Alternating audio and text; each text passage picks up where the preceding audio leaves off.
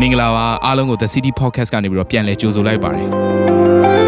ယနေ့အစီအစဉ်မှာတော့ငွေကြီး finance နဲ့ပတ်သက်တဲ့အကြောင်းအရာကိုဆရာစောစီဟာကနေပြီးဝင်းကားမှာဖြစ်ပါတယ်ခင်ဗျာစိတ်နှလုံးတကားကိုဖွင့်ထားရင်သင်ရဲ့အသက်တာကိုကောင်းကြီးမင်္ဂလာဖြစ်စေမယ့်ဖရာသခင်ရဲ့နှုတ်ကပတ်တော်ကိုအတူတူဝခံယူကြရအောင်ခင်ဗျာ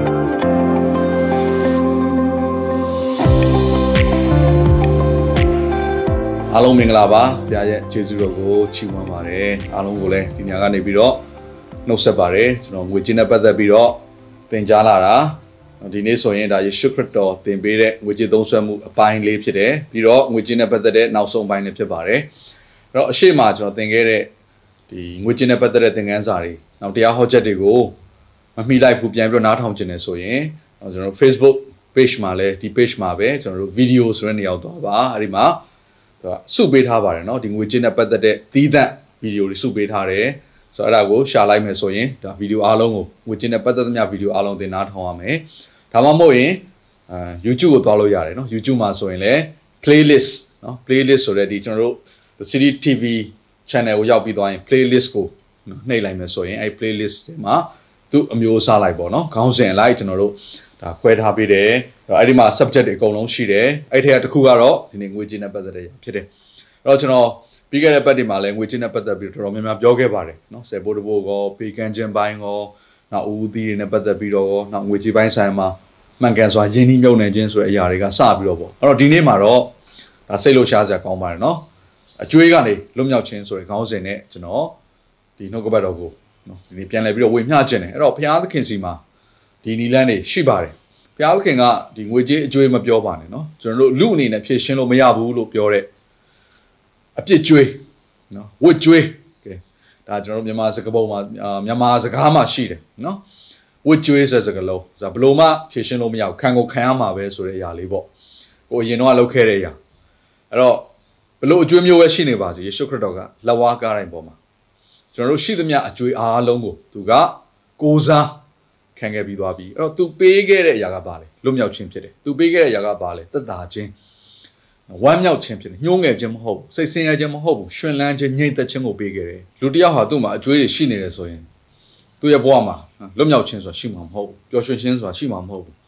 သူကငြိမ်သက်ခြင်းရှိမှာမဟုတ်ဘူးเนาะအကျွေးတွေအများကြီးရှိပြီးတော့ငြိမ်သက်နေဆိုတော့ဒါတော်တော်လေးကိုထူးခြားတဲ့ကိစ္စပဲဖြစ်တယ်အဲ့တော့လူတစ်ယောက်ဟာသူ့မှာအကျွေးရှိနေပြီဆိုရင်ဘလို့မှဒီလိုမျိုးငြိမ်သက်ခြင်း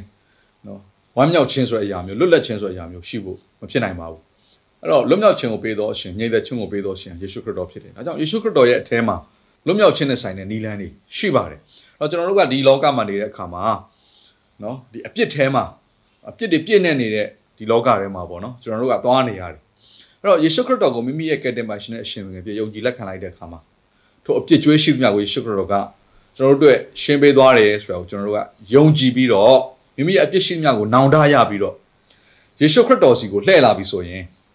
ယေရှုခရစ်တော်ကျွန်တော်တို့အပြစ်ရှိမြတ်ကိုစေကြောပြီးတော့ကျွန်တော်တို့ကိုရွေးနှုတ်တော်ဘုရားဖြစ်တယ်နော်သာရသက်ကိုရတယ်ဘုရားသခင်သားသမီးဖြစ်တယ်ဘုရားရှင်နိုင်ငံတော်ထဲမှာခရစ်တော်နဲ့အတူကျွန်တော်တို့စိုးစံဖို့ရန်ဘုရားသခင်အကြံစီရှိတယ်အဲ့တော့ကြုံမဟုတ်တော့ဘဲနဲ့ကျွန်တော်တို့ဘာဖြစ်လာလဲဆိုတော့ဘုရားသခင်သားသမီးဆိုတဲ့သခင်ဆိုတဲ့အရာကိုဖြစ်လာတယ်ဘုရားသားသမီးတွေနော်ရှင်ဘုရင်ဒါယေဘရဟိအမျိုးနွယ်တွေမင်းစည်းစိမ်ရှိတဲ့ယေဘရဟိအမျိုးလို့ကျမ်းစာပြောတာဟုတ်ဆိုတော့ဖြစ်ချင်းတွေအကုန်လုံးပြောင်းသွားတယ်ဒါပေမဲ့အဲ့လိုပြောင်းသွားတော့ကျွန်တော်တို့ရဲ့ဘေးပတ်ဝန်းကျင်မှာ နော်အပြစ်ဒုစရိုက်တွေမရှိတော့ဘူးလားဆိုမဟုတ်ပါဘူးရှိသေးတယ်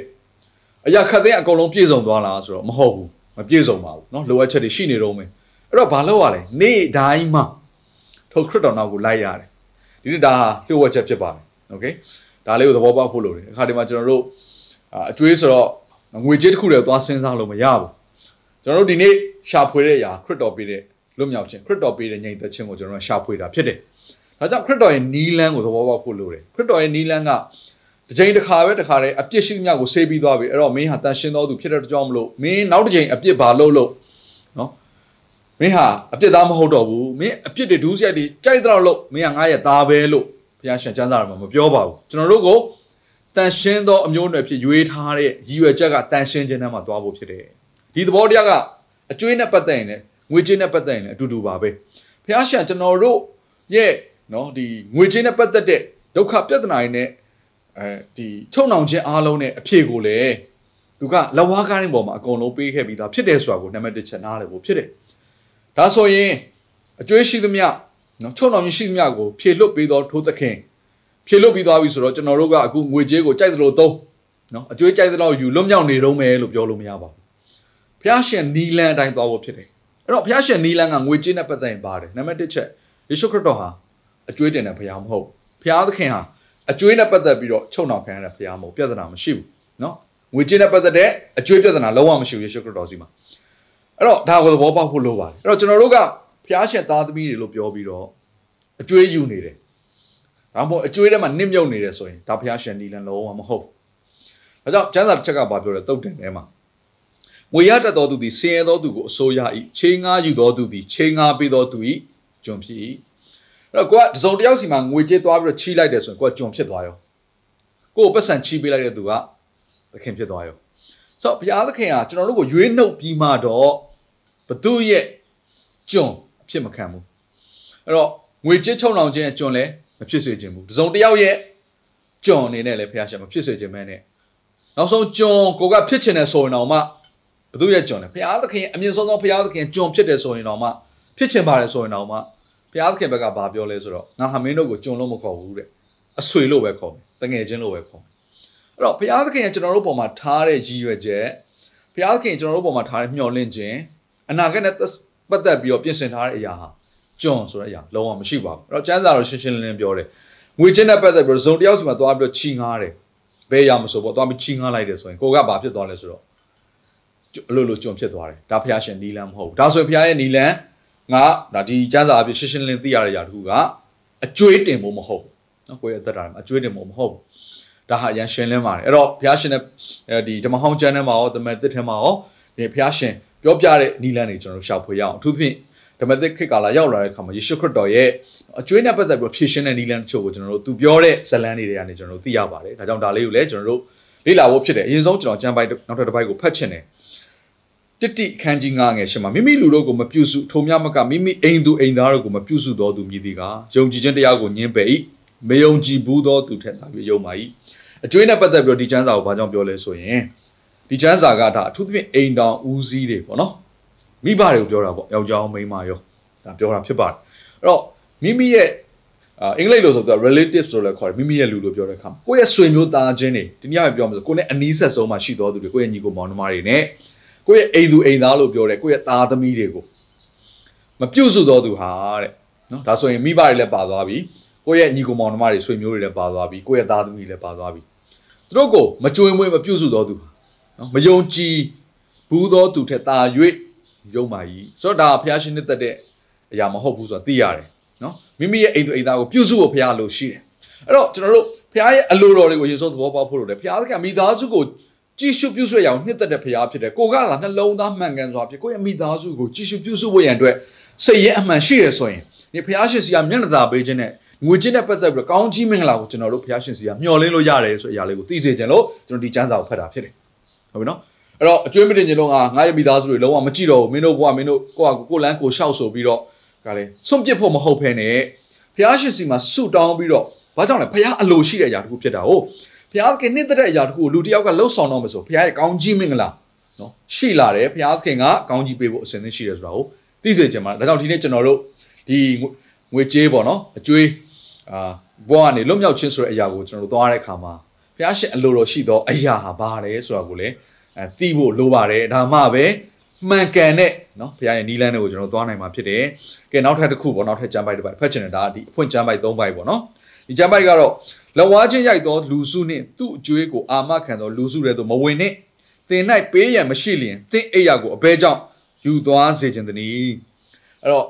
သူကငွေကြေးချီးငားတာတော့မှနော်တနာကျင်နာခြင်းမရှိတော့နော်ကျွန်တော်တို့ကိုအန်ဒီရပြုတ်မဲ့လူတွေစီကိုလုံးဝမချင်းကပ်ဖို့ဆိုတဲ့အရာလေးဒါရှိပါတယ်ဒါဒီလိုပြောတဲ့ခါကျတော့ဒါဟာငွေချီလို့ရတယ်နော်ဒါပေမဲ့ချီရမယ့်လူပဲရွေးရမယ်လို့ဒါကိုဆိုလို့ချင်တာမဟုတ်ပါဘူးဒါကမှကျွန်တော်တို့အခုအကျွေးတင်သောသူတွေရဲ့ နော်အသက်တာထဲမှာလက်ရှိအခြေအနေကိုပြန်လည်သုံးသပ်တတ်ဖို့ဖြစ်တယ်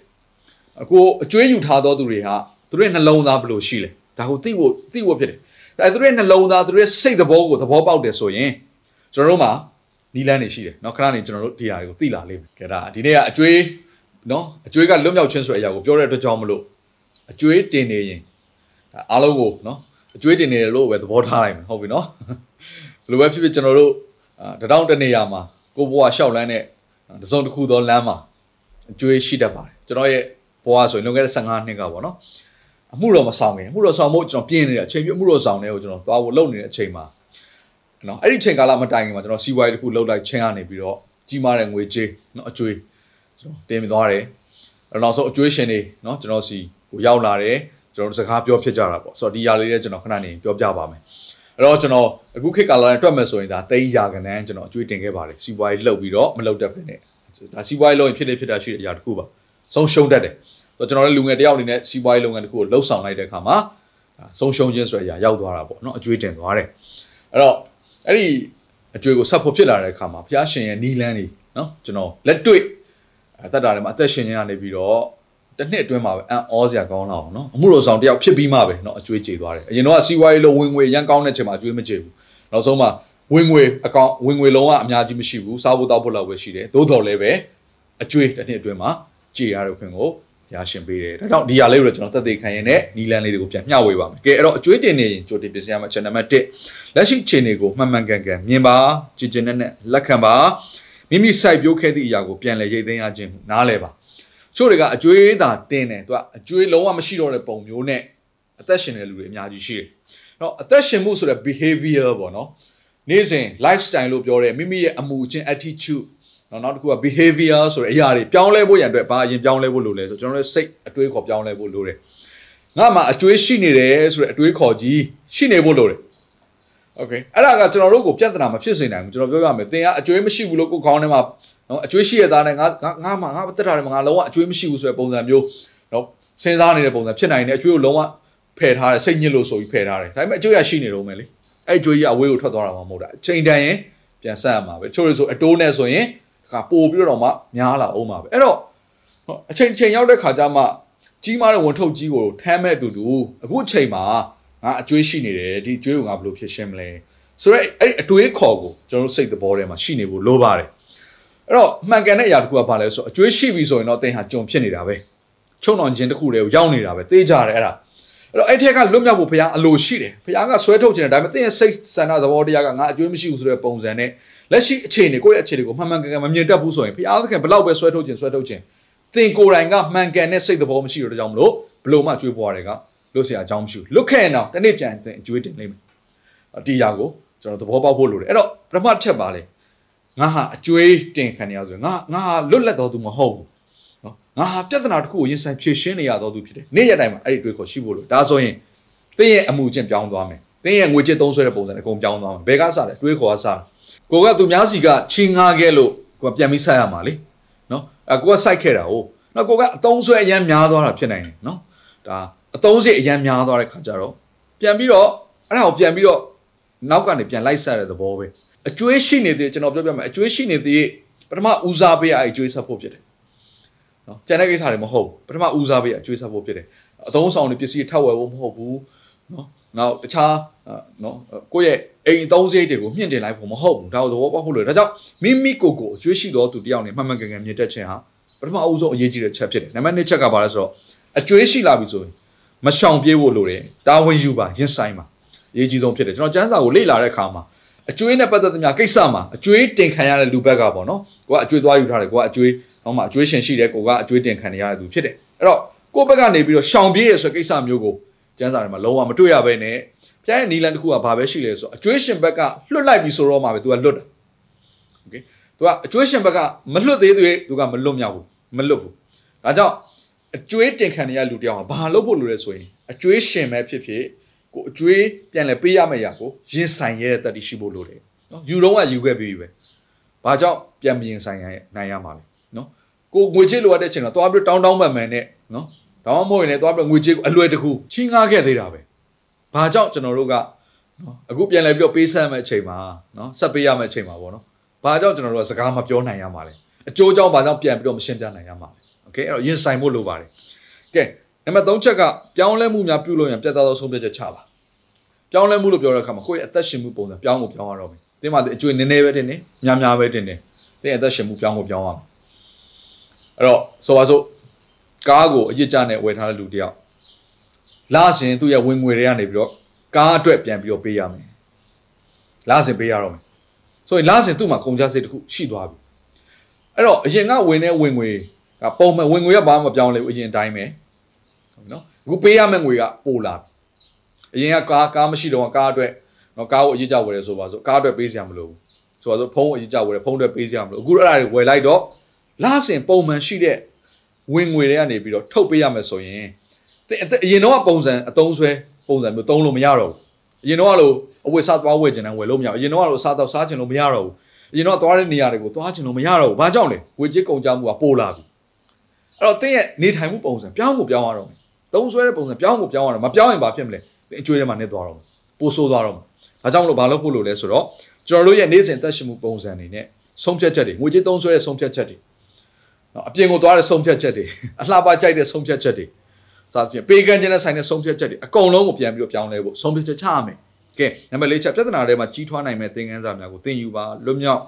နိုင်မဲ့နီလန်းများကိုဖျားစီကမျောလဲမှာအဲ့တော့ပြဿနာတစ်ခုကြုံတိုင်းမှာကိုကဘာသဘောပေါက်ဖို့လိုလဲဆိုရင် ဒီပြဿနာတွေမှာငါဘယ်လိုပုံစံနဲ့သင်ခန်းစာတွေရနိုင်မလဲသင်ခန်းစာယူတတ်တဲ့လူကတိုးတက်တာပဲသူကကြီးထွားခြင်းချက်ချင်းစီကိုရောက်သွားတာပဲအရင်တော့ဒီပြဿနာမကြုံခဲ့ရဘူးလေဟိုပြဿနာကြုံတဲ့ခါကျတော့ဒီပြဿနာတွေမှာငါဘယ်လိုအသက်ရှင်မလဲဆိုတာကို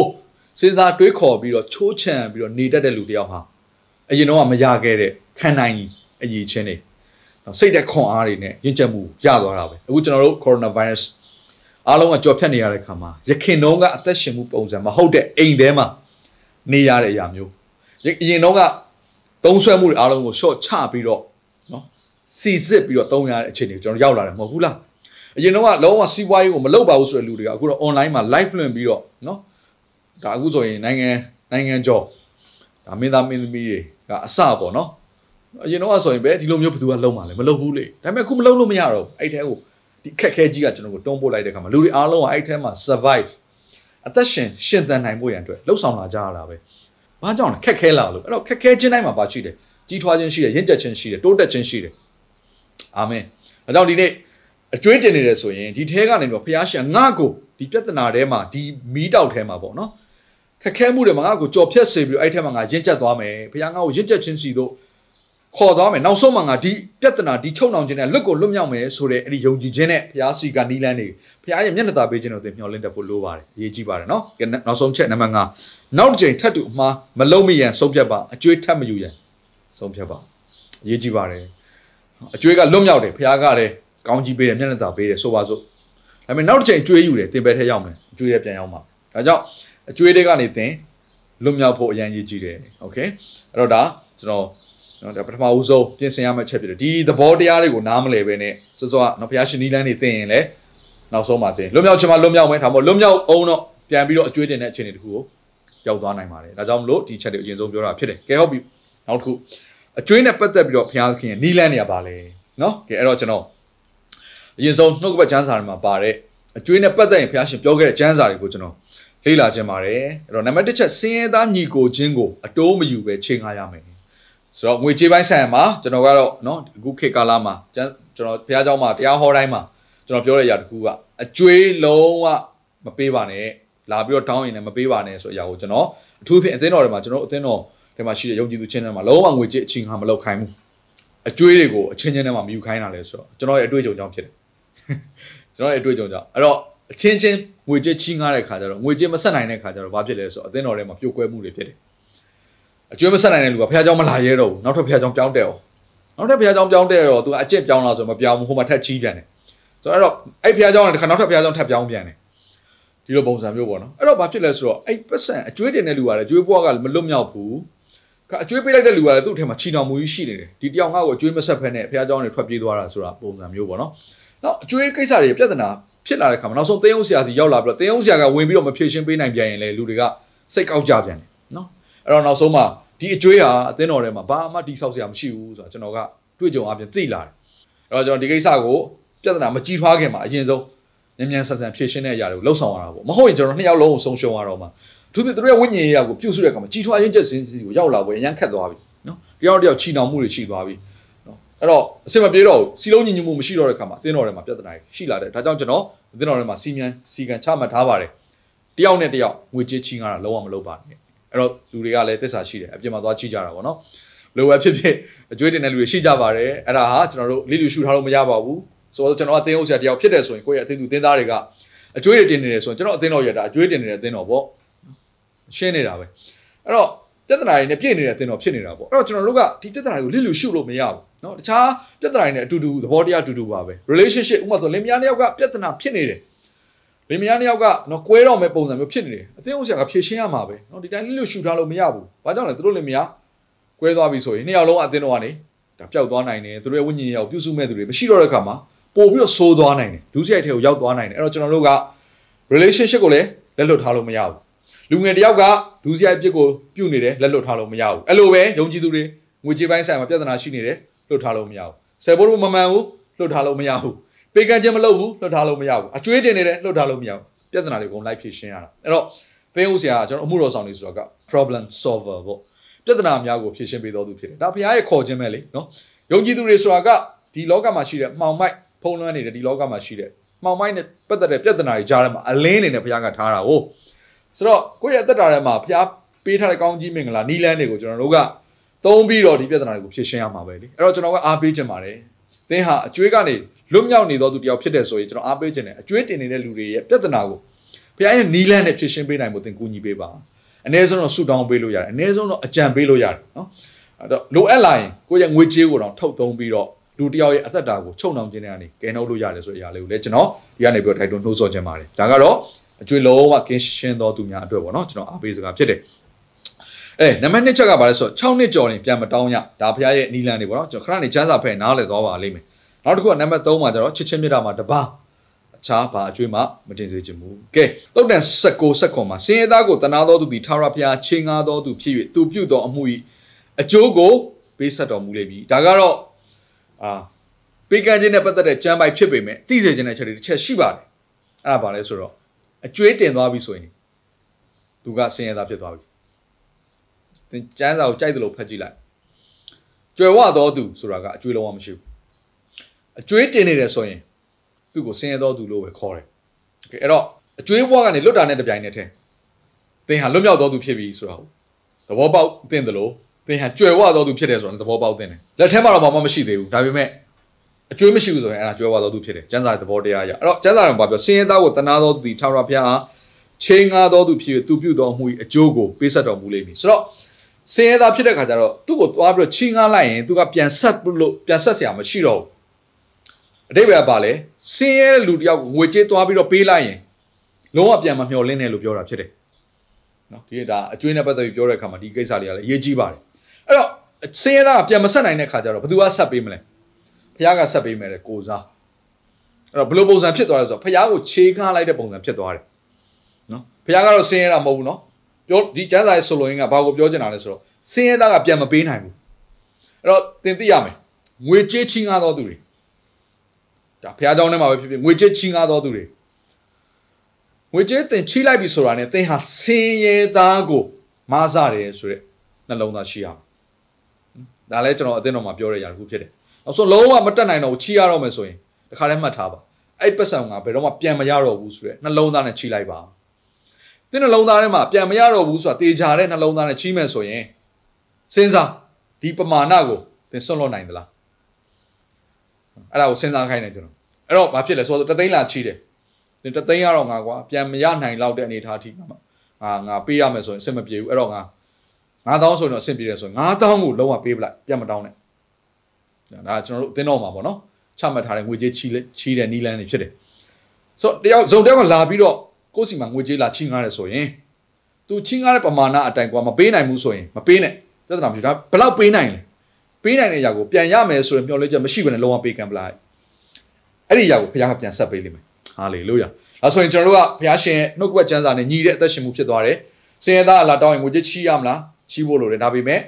လုံးဝအတိုးမရှိဘူးနောက်တစ်ခုကဘာဖြစ်ဆိုပြန်ရမယ်ဆိုတော့မျှော်လင့်ချက်လုံးဝမရှိဘူးဖခင်ကပဲငါ့ကိုပြန်ပေးမယ်အဲ့တော့အခုလက်ရှိအချိန်မှာငါဘယ်လောက်သူ့ကိုဘယ်လောက်ကူညီနိုင်လဲသူဒုက္ခရောက်နေတယ်ငါအခုဘယ်လောက်ထိကူညီပေးနိုင်လဲအကူညီပေးနိုင်တဲ့အတိုင်းတာကိုမှရှိတဲ့ဥစ္စာတွေဝင်မြပေးလိုက်ဒီလိုပဲလုပ်ရတာပဲလေ အဲ့ဒါကိုဘာလို့ခေါ်ဆိုပေးကမ်းခြင်းလို့ခေါ်တယ်နော်ဒါပေမဲ့ဖခင်ကကျတော့ဘယ်လိုသတ်မှတ်လိုက်လဲချင်းကားလိုက်တယ်လို့သတ်မှတ်တယ်အဲ့တော့ဘယ်သူကပြန်ပေးလဲဖခင်ကပြန်ဆက်ပေးတယ်ဖခင်ကပြန်ဆက်ပေးပြီဆိုရင်တော့အာသင်ချင်းကားလိုက်တဲ့အရာထက်မြောက်များစွာသောကောင်းကြီးမင်္ဂလာမင်္ဂလာကိုဖဘုရားကဆက်ပေးတတ်တဲ့ဘုရားဖြစ်ပါတယ်ဒါကြောင့်ကျွန်တော်တို့နှလုံးသားထဲမှာရှိရမယ့်အရာတစ်ခုကစင်ရဲသားကိုတနာတဲ့စိတ်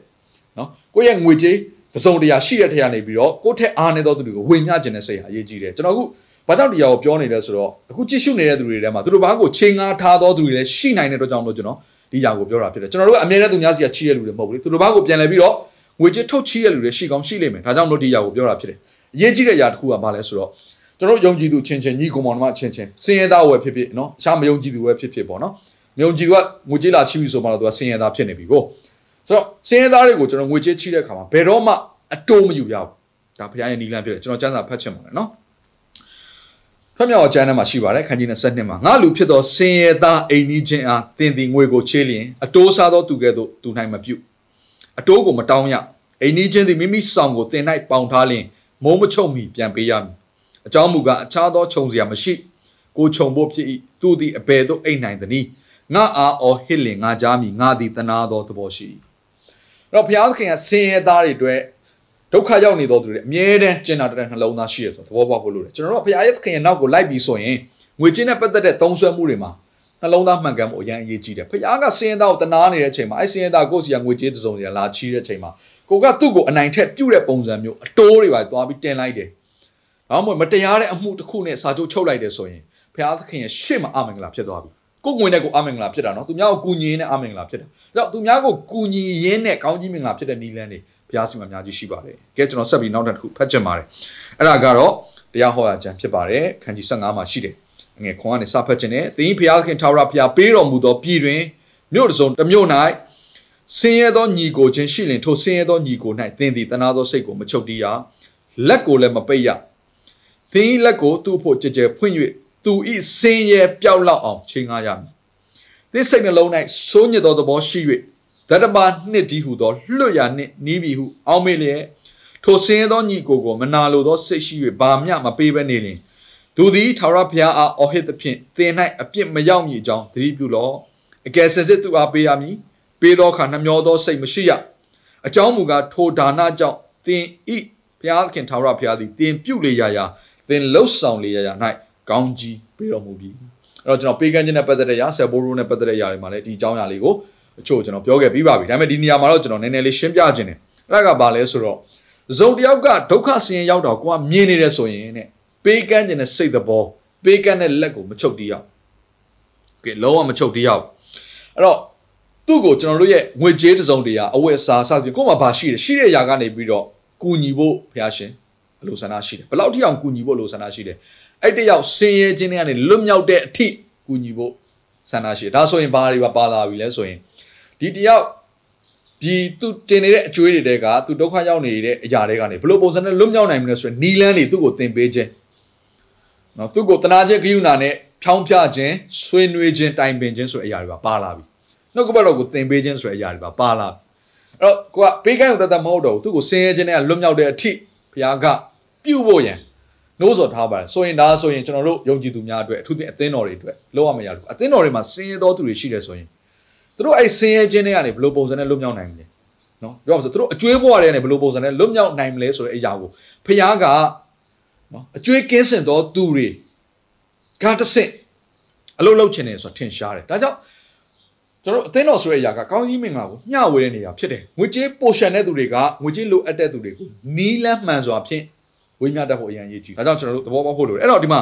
ဘာပါလဲဆိုတော့နော်ဒီကြမ်းချက်လေးကအရန်ရေးကြည့်လွတ်ရန်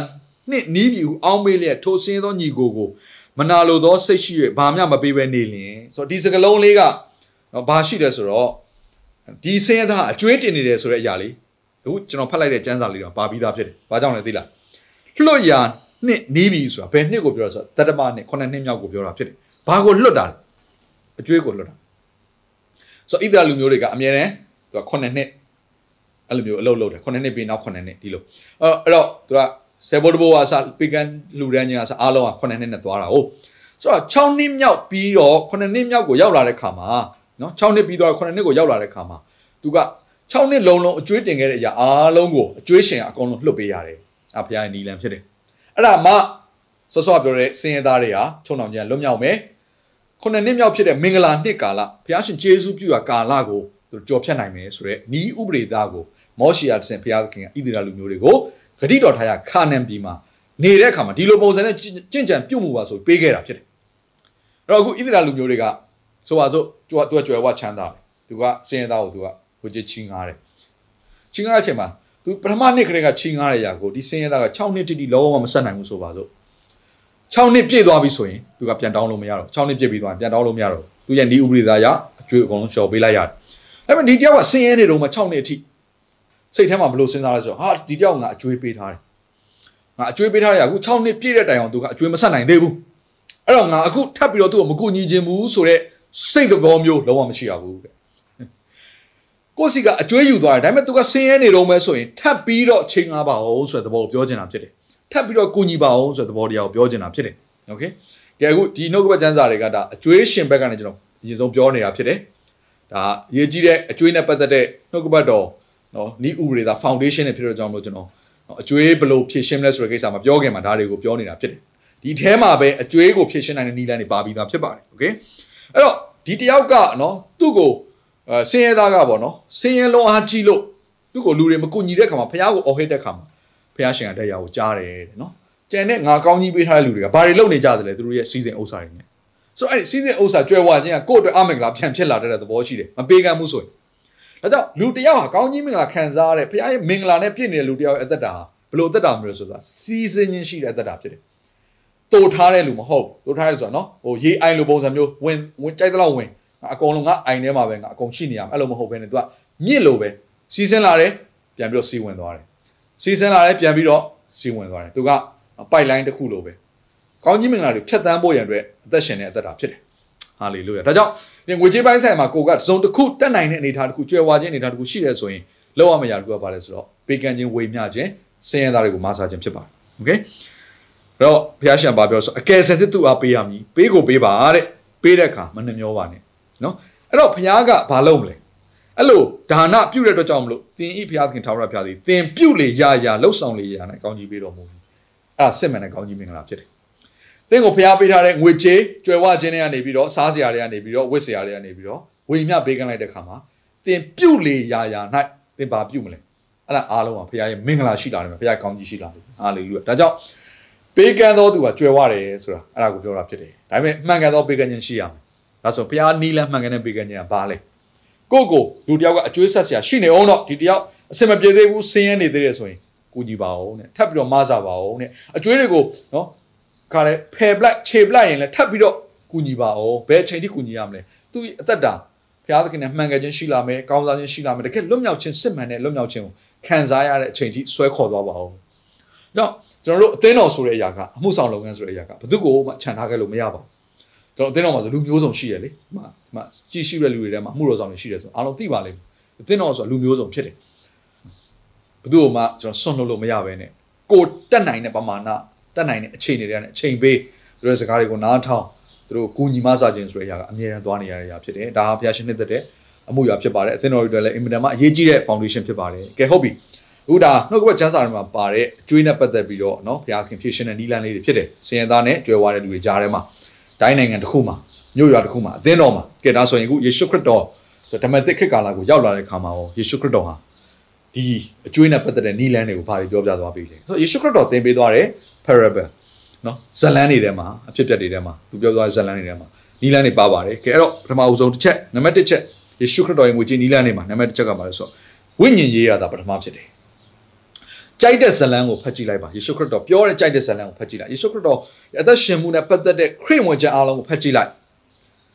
ငွေကြေးနဲ့ပတ်သက်တဲ့အရာအားလုံးနဲ့နှိုင်းရှင်လာပြီဆိုရင်ဘုရားကဘာကိုပဲဦးစားပေးခိုင်းလဲဆိုတော့ဝိညာဉ်ရေးရ ကြွယ်ဝချမ်းသာတဲ့လူငယ်တယောက်ကခါတယ်သူကအကျင့်မှလည်းအရန်ပြည့်စုံတဲ့လူတယောက်ယေရှုနောက်ကိုလိုက်ဖို့ဖြစ်လာတဲ့ခါကျတော့ယေရှုခရစ်တော်ကပြောလို့ဆိုမင်းရဲ့ရှိမြအားလုံးအကုန်လုံးဆင်းရဲသားတွေရောင်းပြီးတော့အကုန်လုံးဆင်းရဲသားတွေကိုဝေပေးလိုက်ပြီးငါနောက်ကိုလိုက်ခဲ့ဆိုတော့အဲ့ဒီဒီခါချမ်းသာကြွယ်ဝတဲ့လူငယ်လေးပညာတတ်တကယ်ကိုအကျင့်တရားမှာပြည့်စုံတဲ့လူငယ်ကဝမ်းနေသောစိတ်ညှိုးငယ်တဲ့စိတ်နဲ့ယေရှုစီကနေထွက်သွားတယ်ယေရှုနောက်ကိုမလိုက်နိုင်နော်အကျွေးတင်တော်သူတွေသူတို့ရဲ့အသက်တာမှာအရေးကြီးဆုံးပထမအရေးကြီးဆုံးညာတစ်ခုကပါလဲဆိုတော့ငွေချစ်ပြဿနာမဟုတ်ဘူး တင်တကယ်ပြဿနာကြုံတွေ့နေရတဲ့ຢာကဝိညာဉ်ရေးရပြဿနာဖြစ်တယ်ဝိညာဉ်ရေးရပြဿနာမှာလွတ်မြောက်ရင်ကြံတဲ့ຢာတွေအလိုလိုလွတ်မြောက်လာဒါသိဖို့လိုတယ်ဝိညာဉ်ရေးရမှာချုံနှောင်ခံနေရရင်ငွေချင်းအဆင်ပြေအောင်တော့ဒီမပြောနိုင်ဘူးဘာကြောင့်လဲဖះရှင်ပေးတဲ့ကောင်းကြီးမင်္ဂလာဆိုတာဝမ်းနေခြင်းနဲ့မရောတော့ဘူးသဘုရားကအကျွေးတင်နေတယ်ဆိုရင်ဒါဝမ်းနေခြင်းနဲ့ရောနှောနေပြီဒီမှာပြဿနာရှိနေပြီနောက်ဆုံးဘုရားသူတစ်ပါးကိုချင်းကားနိုင်တဲ့လူဖြစ်အောင်တော့ဒီမှာငွေကြေးရှိနေအောင်တော့ ဘုရားခင်နဲ့မမှန်ကန်မှုဆိုရင်ငွေကြေးသုံးဆွဲမှုကဘုရားနဲ့မမှန်ကန်မှုအသက်တာမှာဘုရားနဲ့မမှန်ကန်မှုဘုရားမနစ်တဲ့လမ်းနေတဲ့မှာတင်သွားနေတဲ့ဒူးဆက်တဲ့မှာသွားနေတယ်ဆိုရင်ငွေကြေးချုံနှောင်ခြင်းကတစ်ချိန်မို့တစ်ချိန်ရောက်လာမှာပဲဘာကြောင့်လဲအမင်္ဂလာတွေကတင့်တရာထဲမှာရှိနေပြီလေဟောတင့်ငွေကြေးကကောင်းကြီးမဖြစ်တော့ဘူးဒီပြဿနာကြုံရမှာပဲဒါကြောင့်မလို့ပထမဦးစားပေးရပါလေဝိညာဉ်ရေးရဖြစ်တယ်ဒါကြောင့်ကျွန်တော်ပြောပြမယ်ငွေကြေးချုံနှောင်ခြင်းကလွတ်မြောက်ခြင်းကိုသင်မရှာခင်မှာအရင်ဆုံးသင်ရဲ့အသက်တာလွတ်မြောက်ခြင်းကိုအရင်ရှာပါလို့ကျွန်တော်အကြံပေးချင်ပါတယ် ဒါကြောင့်နှုတ်ကပတ်တော်တရားဟောဒေသနာတစ်ခုနားထောင်တဲ့အခါမှာငါရဲ့အသက်တာမှာချုံနှောင်နေတဲ့ဝိညာဉ်ပိုင်းဆိုင်ရာချုံနှောင်ခြင်းတွေငါရဲ့အသက်တာမှာပိတ်လှောင်နေတဲ့ကာထားတဲ့ဝိညာဉ်ပိုင်းဆိုင်ရာအကွက်အကာတွေကိုတရှင်းသောဝိညာဉ်တော်ဖျားကဘလို့ပုံစံနဲ့နော်အဲ့ဒီမမြင်ရတဲ့အကျေးခွန်တွေကိုကွာသွားကွာကြစေမလဲငါရဲ့အသက်တာမှာချုံနှောင်တဲ့တန်ကြိုးတွေကိုထိုယေရှုဖျားကလွတ်မြောက်စေနိုင်တယ်လေငါရဲ့အသက်တာမှာနော်ဖုံးလွှမ်းထားတဲ့မှောင်မိုက်ကိုယေရှုခရစ်တော်ဖျားဘလို့ပုံစံနဲ့နော် အသက်တာထဲမှာလွတ်မြောက်ခြင်းကိုပေးနိုင်မလဲအလင်းကိုပေးနိုင်မလဲအဲ့ဒီရောက်ကိုအရင်ရှာဖွေဖို့ဖြစ်တယ်ဟာလေလုယာငွေကြေးကြွယ်ဝခြင်းကိုအရင်မရှာပါဘူးတချို့တွေကငွေကြေးပေးကမ်းတဲ့အခါမှာကြွယ်ဝခြင်းကိုပေးကမ်းတာရှိတယ်လောဘနဲ့ပေးကမ်းတာရှိတယ်ဘုရားကကျွန်တော်ကျွန်မတို့ဒီတော့လှူမယ်နော်ကိုတော့ကျွန်တော်ရဲ့စီးပွားရေးလုပ်ငန်းကောင်းကြီးပေးပါသွားမလုပ်ပါနဲ့အဲ့လှူတဲ့ငွေဘာမှဘာမှအတင်အကျိုးမြတ်ပြန်ရမှာမဟုတ်ဘာကြောင့်လဲနှလုံးသားမမှန်ကန်ဘူးဘာကြောင့်မမှန်ကန်တာလဲအသက်တာမှာစစ်မှန်တဲ့လွတ်မြောက်ခြင်းမရှိသေးလို့ဖြစ်တယ်ဝိညာဉ်ရေးရပထမဝိညာဉ်ရေးရပထမဒီဝိညာဉ်ရေးရလွတ်မြောက်ဖို့ပထမဖြစ်တယ်ဟာလေလုယာကဲအဲ့ တော့ spiritual life ပေါ့နော်နံပါတ်1ချက်နေ့စဉ်အသက်ရှင်မှုပုံစံပြောင်းခြင်းဆိုတဲ့ lifestyle အဲ့တော့ယေရှုခရစ်တော်ကအကျွေးနဲ့ပတ်သက်တဲ့အကြောင်းအရာကိုပြောတဲ့ခါတိုင်းမှာငွေကြေးနဲ့ပတ်သက်တဲ့အကြောင်းအရာကိုပြောတဲ့ခါတိုင်းမှာချိုးချံချွေတာခြင်းဆိုတဲ့အရာကြိုတင်တွက်ဆခြင်းဆိုတဲ့အရာကိုအမြဲတမ်းပြောတယ်ဒါပြီးခဲ့တဲ့သင်ခန်းစာတွေမှာကျွန်တော်ပြောခဲ့ပါတယ်နော်ကြိုတင်ပြီးတော့ဘလောက်ကုန်ကြမလဲဆိုတော့တိုက်တစ်ခုကိုစောက်လုပ်မဲ့သူကတွက်ရတယ်မဟုတ်ဘူးဆိုရင်နောက်ဆုံးမှာအဆောက်အဦကတိုးလိုတန်းလန်းဖြစ်တဲ့ခါမှာကဲ့ရဲ့ခြင်းဆိုတဲ့အရာရောက်လာလိမ့်မယ်ဘာကိုပြောရလဲအကျွေးတင်တဲ့အသက်တာကိုပြောနေတာပဲ နော်အကျွေးတင်တဲ့လူတယောက်အသက်တာကဲ့ရဲ့ခြင်းဆိုတဲ့အရာဒါမဖိတ်ခေါ်ဘဲနဲ့အလိုလိုရောက်လာမှရတခုဖြစ်တယ်အဲ့တော့ကိုယ့်ရဲ့အသက်တာထဲမှာကြိုတင်ပြီးတော့နော်တွက်ဆခြင်းဆိုတဲ့အရာတွေကိုယ့်ရဲ့အသုံးစိတ်တွေကိုချွေတာခြင်းဆိုတဲ့အရာတွေနောက်ကျမ်းစာတခုဖတ်လိုက်တဲ့အခါတိုင်းမှာအကျွေးရှိတဲ့လူတိုင်းကိုဘုရားရှင်ဘယ်လိုဝတ်တတ်မှတ်တယ်ဆိုဆင်းရဲတော်သူဆင်းရဲတော်သူဒါပဲနောက်ဆင်းရဲတော်သူမှန်ရင်သူတစ်ပါးရဲ့မားစာခြင်းဆိုတဲ့အရာကိုသူကခံရတဲ့အခါကျတော့ဒီနေ့ပဲပြောရမယ်ဆိုရင်သူကနော်အကျွေးတင်တော်သူလို့ပြောရင်လည်းမမှားဘူးနော်ဒါကြောင့်ကျွန်တော်သဘောပေါက်အောင်မယ်အကျွေးတင်နေပြီဆိုရင် ယေရှုခရစ်တော်ရဲ့ဇလန်းနေထဲမှာတော့အဲ့လူဟာဆင်းရဲတော်သူပဲသူကသူဘယ်လိုပဲနေနေဘယ်လိုပဲထိုင်နေဘယ်လိုပဲစားစားဆင်းရဲတော်သူတွေပဲဘုရားကတတ်မှတ်တယ်ဆိုတဲ့အရာကိုကျွန်တော်တို့သိရတယ်ကဲနံပါတ်3ချက်အပြောမဟုတ်အလုံးနဲ့နော်တက်တည်ပြဖို့ရည်ကြည်တယ်အသက်တာထဲမှာအဲ့ဒါဘာလဲဆိုတော့ကျွန်တော်တချို့တွေကနော်ဝิญဉ်ပိုင်းဆိုင်ရာဆောင်းကကျွန်တော်ပြောခဲ့ပထမနော်ဝิญဉ်အသက်တာမှာလွတ်မြောက်တယ်ဒါပေမဲ့ငွေကြေးသုံးဆွဲမှုပိုင်းဆိုင်ရာအကျွေးနဲ့ပတ်သက်တဲ့ကိစ္စတွေရောက်လာတဲ့အခါမှာလက်တွေ့မကြနော်လက်တွေ့ဆန်တဲ့အသက်တာနဲ့အသက်မရှင်ဘူး ဆိုတော့ဘာကိုပြောချင်တာလဲဆိုတော့ငွေကြေးအရင်တော့သုံးခဲ့တယ်ဒီတိုင်းဆက်သုံးနေတော့မယ်အရင်တော့ branded တွေကင်တယ်အခုအကျွေးတင်နေတယ် branded ဆက်ကင်နေတော့မယ်ဆက်ဝယ်နေတော့မယ်ဆိုတော့လက်တွေ့မကြဘူးလေသူကဆင်းရဲလူတယောက်ပုံစံမျိုးနဲ့အသက်မရှင်ဘူးဘာအကျွေးမှမရှိတော့တဲ့ကြွယ်ဝတဲ့လူတယောက်ပုံစံမျိုးနဲ့အသက်ရှင်တဲ့အခါမှာဒီအကျွေးကဘယ်လိုလုပ်ချင်နိုင်မလဲနော်ဒါအထူးသဖြင့်စီးပွားရေးကြီးကြီးမားမားလုပ်တော်သူတွေဆိုရင်အဲ့ပြဿနာအများကြီးရှိတယ်ဆိုတော့အစအတော့ကြွယ်ဝခဲ့တာကိုကြွယ်ဝတော့သူ့ရဲ့ အသုံးစရိတ်သူအသက်ရှင်မှုပုံစံကအပြောင်းလဲလုပ်ဖို့တော်တော်လေးခက်တဲ့အနေအထားမျိုးရှိနိုင်တယ်ဆိုတော့သူကဆက်ပြီးတော့အဲ့ဒီ lifestyle ကိုထိန်းရင်းကနေပြီးတော့ကုန်ကြစရိတ်တွေကထပ်ပြီးတော့ပိုပိုပိုပိုများလာတယ်ကျွန်တော်ပြောပြမယ်တင့်ရဲ့အကျွေးကိုဘယ်သူမှလာပြီးတော့တကူတကနော်တိန်းရာကနန်းထောင်ကနန်းချိုးရတဲ့ဆယ်ကနန်းရှိမှာပေါ့တကူတကလာပြီးတော့ဖြစ်ရှင်းပေးလို့မမျောလဲမှာနေတင့်ရဲ့ဒုက္ခပြဿနာတင်ဖြစ်ရှင်းရမှာအဲ့တော့ဘယ်သူမှတင့်ကို appreciate နော် branded တွေကင်နိုင်လို့ appreciate လုပ်မှာမဟုတ်တယ်လို့ ဘယ်သူမှလည်းတင့်ရဲ့အကျွေးတွေကြေသွားလို့ဆိုပြီးတော့နော်ထူးထူးခြားခြားထက်လူထက်မြဝမ်းမြောက်ပေးနိုင်မဲ့လူတွေအများကြီးရှိမှာမဟုတ်ပါဘူးမရှိဘူးတော့မဟုတ်ဘူးနော်ဒါပေမဲ့ဝิญဉ်ကြီးကခေါင်းဆောင်တွေကတော့ထက်လူထက်မြဝမ်းမြောက်ပေးမှာပေါ့သို့တော်လည်းပဲနော်ကိုယ့်ပတ်ဝန်းကျင်မှာရှိတဲ့လူတွေကကိုကအကောင်းစားတွေတုံးပြနေလို့လေနော်ကိုယ့်ရဲ့အကျွေးတွေကြေသွားမှာမဟုတ်သလိုနော်အဲ့တော့ကိုကချိုးချံချွေတာပြီးနေလိုက်လို့လေကိုကိုဘယ်သူမှထင်သွားထင်သေးသွားမှာမဟုတ်ပါဘူးအရင်ဆုံးအကျွေးကြေကိုရန်ကြီးကြည့်တာဟုတ်အဲ့ တော့ဆိုတော့သဘောပေါက်ဖို့လိုတယ်အဲ့တော့ကိုကနော်ကိုရဲ့လက်တွေ့အသက်ရှင်မှုတည်ရေးကြည့်တယ်နော်အလုံးနဲ့သက်တည် action plan လေးရန်ရေးကြည့်ပါတယ်ကဲနံပါတ်၄ချက်တနာချင်းကိယူနာနဲ့မျက်နှာသာပေးခြင်းကိုရှာပါဒါအရေးကြီးပါတယ်ဒါယေရှုခရစ်တော်ရဲ့ဇလန်လေးအားလုံးကိုကြည့်လိုက်တဲ့အခါမှာအကျွေးတင်သောသူတွေအတွက်ဖခင်ရဲ့နီလန်းကပါလဲဆိုတော့ mercy တနာချင်းကိယူနာနောက်တစ်ခုကပါလဲဖခင်ရဲ့မျက်နှာသာပေးခြင်းဖခင်ရဲ့မျက်နှာသာပေးခြင်းရှိလာမယ်ဖခင်ရဲ့တနာချင်းကိယူနာသူ့ဘောတက်ရောက်လာတယ်ဆိုရင် supernatural အဲ့အဲ့ချိန်ကျမှရောက်လာတာ supernatural နော်တကယ်ကိုတာမန်မဟုတ်တဲ့နီလန်းနေနဲ့အကျွေးကြေသွားတာကျွန်တော်ရဲ့တက်တာလို့ပဲကျွန်တော်ရဲ့လွန်ခဲ့တဲ့15နှစ်ကအကျွေးကြေခြင်းဟာ supernatural ဘာကြောင့်လဲဆိုရင်ကျွန်တော်ဘုရားသခင်နဲ့ deal ပေါ့နော်ဘုရားသခင်အရှိမဝန်ခံတယ်အနှံတယ်နောက်ဘုရားသခင်ကိုကျွန်တော်ဂတိပေးထားတဲ့အသက်ရှင်ကိုကျွန်တော်ဆုံးဖြတ်တယ်ဒါကြောင့်ဘုရားသခင်ကျွန်တော်ကိုတစ်နှစ်အတွင်းမှာနမိတ်လက္ခဏာနဲ့ကျွန်တော်လုံးဝဆက်နိုင်စရာအကြောင်းမရှိတဲ့ငွေကြေးအလုံးကိုငြိမ်ငြိမ်ချမ်းချမ်းနဲ့နော်အကျွေးရှင်တွေရတယ်ကျင်ကျင်နဲ့နဲ့နဲ့လက်ခံပြီးတော့အကျွေးကြေသွားတဲ့အခွင့်ကိုပြရှင်းပေးတယ်စစ်မှန်တဲ့လွတ်မြောက်ခြင်းရလာတဲ့အခါမှာ ကျွန်တော်အမှုဆောင်လုပ်ငန်းဟာတကယ်ကိုနော်တစ်နှစ်ပြီးတစ်နှစ်တခါလေတိုးပွားခြင်းစီကိုရောက်လာတယ်ဒါမှန်ကန်တဲ့နော်လမ်းကြောင်းတွေကိုကျွန်တော်ရှောက်လမ်းမှုဖြစ်လာပါတယ်ဒါကြောင့်အရေးကြီးတယ်နော် mercy and favor အဲ့တော့ခဏနေကျွန်တော်ဇလန်လေးကိုပြောပြပါမယ်ကဲနံပါတ်5ချက်မျိုးစေ့နဲ့ရိတ်သိမ်းခြင်းနီလန်းကိုသဘောပေါက်ဖို့လိုတယ်အဲ့တော့ဒါကဘုရားရှင်ထားထားပေးတဲ့နီလန်းဖြစ်တယ်ဆိုတော့သူကစပြီးတော့ကဘာမြေကြီးကိုစဖန်ဆင်းကြတဲ့ကမျိုးစေ့ဆိုတဲ့အရာကို တစ်ပင်တွေထဲမှာအသီးနိုင်တွေမှာထည့်ပေးလိုက်ပြီးသားဖြစ်တယ်ဒါကဘာဦးကျန်ခန်းကြီးတစ်ကိုဖတ်လိုက်တာနဲ့တန်းသိတယ်တော့ဘုရားရှင်ကဒါမျိုးစေ့တွေပါတဲ့အသီးနိုင်တွေကိုဘုရားရှင်ကမြေပေါ်မှာဖြစ်စေတယ်တော့ဖန်ဆင်းကြတဲ့ကဘာပါလာပြီးတယ်ဘာပါလာပြီးသားလဲဆိုတော့သူကစိုက်ပြိုးမယ်စိုက်ပြိုးတဲ့အရာကတိုးပွားခြင်းဆိုရရှိလာမယ်ဆိုတော့ဒီဟာနီလန်းကိုဖျားရှင်ထည့်ပေးလိုက်ပြီးသားဖြစ်တယ်ဒါကြောင့်မလို့ငွေချင်းပါတယ်အဲ့ဒီအရာရှိတယ်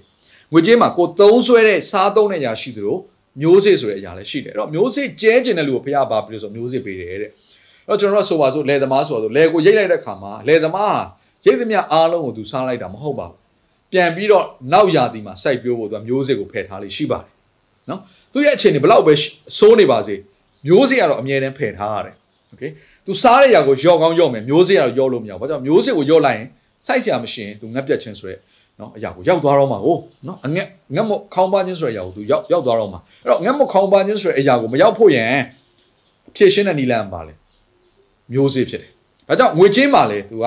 ဝင်ငွေတစ်ခုရှိလာပြီဆိုရင်မျိုးစေ့ဆိုတဲ့အရာကိုဖယ်ကိုဖယ်ထားတဲ့အရာတစ်ခုဖြစ်တယ်ဆိုတော့ဒီနီလန်ကိုလည်းကျွန်တော်တို့သဘောပေါက်ဖို့လိုတယ်အဲ့တော့သင်ဟာအကျွေးတင်နေအောင်တော့အကျွေးတင်နေတဲ့တပြိုင်နက်တည်းမှာမှန်ကန်တဲ့နီလန်နဲ့စိုက်ပျိုးတတ်ဖို့အရေးကြီးတယ်နော်အာရှိမအကုန်လုံးကိုလိုက်ပေးဖို့မဟုတ်ဘူးကျွန်တော်ဒါနဲ့ပတ်သက်ပြီးတော့ဗောနော်ဖြစ်ပြလေးတခုပြောပြခြင်းတယ်ဒါတော့လက်တွေ့ဖြစ်ပြပါပဲနော်ကျွန်တော်အခုဒါဇလန်းလေးစပြီးတော့ပြောပြမယ်ပေါ့အဲ့တော့ အာအကျွေးတင်တဲ့မိသားစုတစုရှိတာပေါ့နော်သူတို့အကျွေးကတော်တော်ကိုများတယ်ထောင်ငန်းဖြစ်တယ်ဒါနဲ့သူတို့ဒီပြဿနာကိုကျွန်တော်နော်အသေးစိတ်တော့မသိပေမဲ့အကြံပြင်းတော့သိတဲ့အခါကျတော့အဲ့တော့ကျွန်တော်ဆူတောင်းပေးဖြစ်တယ်ဘုရားလမ်းဖွင့်မှာဆိုတော့ဘုရားရှင်အောဝယ်ရပဲတလအတွင်းမှာလမ်းဖွင့်ရဲ့အရာတစ်ခုဖြစ်လာပြီးတော့သိန်းရာကနန်းပေါ့နော်သိန်း၄900လောက်ဝင်ငွေတစ်ခုရှိလာတဲ့အနေတကားတစ်ခုဖြစ်လာတယ်အဲ့တော့သူတို့ရဲ့အကျွေးကထောင်ကနန်းဖြစ်တယ်ဆိုတော့ကျွန်တော်သိတယ်သူတို့ဝင်ငွေကရာကနန်းဖြစ်တယ်ဆိုတော့သိတဲ့အချိန်မှာ သူတို့ကအံ့ဩစရာကောင်းလောက်အောင်သူတို့ရဲ့အသက်ရှင်မှုပုံစံကိုသူတို့နော်လှုပ်လိုက်တယ်အဲ့ဒါဘာလဲဆိုတော့သူတို့ရဲ့အသုံးစရိတ်တွေလုံးဝမလျှော့ဘူးအရင်တော့ကသူတို့အသက်ရှင်ခဲ့တဲ့အရာတွေကိုသူတို့လွမ်းဆွတ်နေလို့လာတော့မသိဘူးသူတို့လိုချင်တဲ့ပစ္စည်းတွေအကုန်စဝယ်လာတယ်သူတို့နော် branded တွေစဝယ်လာတယ်သူတို့ဟာစားတာတောက်တာတွေသွားတာလာတာတွေကိုတခါတည်းငွေကြေးသုံးဆွဲရကျွန်တော်တွေ့လာရတယ်။ပြပြတဲ့ထက်မှာသူတို့အဲ့ဒါတွေမလောက်ခင်မှာပထမအဦးဆုံးလောက်လာလောက်တဲ့ຢာတွေကဘုရားเจ้าကိုအဲ့ငွေကြေး ကောင်းကြီးမင်္ဂလာခံစားရတယ်ဖခင်ကြောင့်ရောက်လာတဲ့ရောက်လာတဲ့ຢာတို့ကဘာလဲဆိုတော့သူတို့ခါတယ်ငွေကြေးပမာဏတစ်ခုသူတို့ယူလာပြီးတော့ကျွန်တော်စီကိုလှူဖို့ရောက်လာတာပေါ့ဆိုတော့ကျွန်တော်ကသူတို့ကိုမေးတယ်မဟုတ်ဘူးနော်အကျွေးတင်နေတာကထောင်ကနန်းဖြစ်တယ်အခုရတဲ့ຢာကຢာကနန်းဖြစ်တယ်ဘာကြောင့်ဒီငွေကြေးကိုနော်အခုလှူဒန်းတဲ့နေရာမှာတုံးရတာလဲဟာသူတို့အဲ့ချိန်မှာကျွန်တော်ကလည်းတင်းအောင်ဆရာဖြစ်နေတယ်နှုတ်ကပတ်တော်ကလည်းဆိုတော့စိုက်ပြိုးခြင်းဆိုတဲ့နီလန်းတွေကိုတင်ထားတဲ့ခါမှာသူတို့ကလည်းနော်ဟိုဒီຢာကိုလက်တွေ့အသုံးပြုတဲ့သဘောမျိုးလည်းဖြစ်ကောင်းဖြစ်နိုင်တယ်ကျွန်တော်အသေးစိတ်မသိဘူးအဲ့ချိန်ကကျွန်တော်တို့ service တစ်ခုနဲ့တစ်ခုကြားထဲမှာဖြစ်တယ် ခဏနေကျွန်တော်နောက်ထပ် service တစ်ခုမှာသွားပြီးတရားဟောရတော့မယ်အဲ့တော့အခုသူတို့ ਨੇ အချိန်ခဏလေးရတဲ့အချိန်မှာသူကတစ်ခါဒီငွေထုတ်ကြည့်လို့တစ်ခါလေအချိန်မှာချပြီးတော့ကျွန်တော်ကျွန်တော်အမှုလို့ဆောင်နေလေးရှိတယ်ဗောနော်ချပြီးတော့ဆရာတော်အတင်းတော်ကိုကျွန်တော်အလှူခြင်းနဲ့ငွေကြီးဖျားဘာပြောလှူတာလဲအကျွေးရှိတယ်မလားဟာလှူခြင်းနဲ့ဆရာနော်ကျွန်တော်အခုကောင်းကြီးမင်္ဂလာခံစားရတယ်အာဟုတ်ပြီအဲ့တော့ကောင်းကြီးမင်္ဂလာခံစားရတယ်ဒါပြီးတော့ငွေကြီးလည်းလှူဒန်းခြင်းနဲ့ဆိုတဲ့အခါမှာနော်သူတို့ကိုတတိပေးတယ်ဒါပေမဲ့သူတို့ကလှူဒန်းခြင်းနဲ့စိတ်အားပြင်းပြတဲ့ကောင်ကျွန်တော်လက်ခံလိုက်တယ်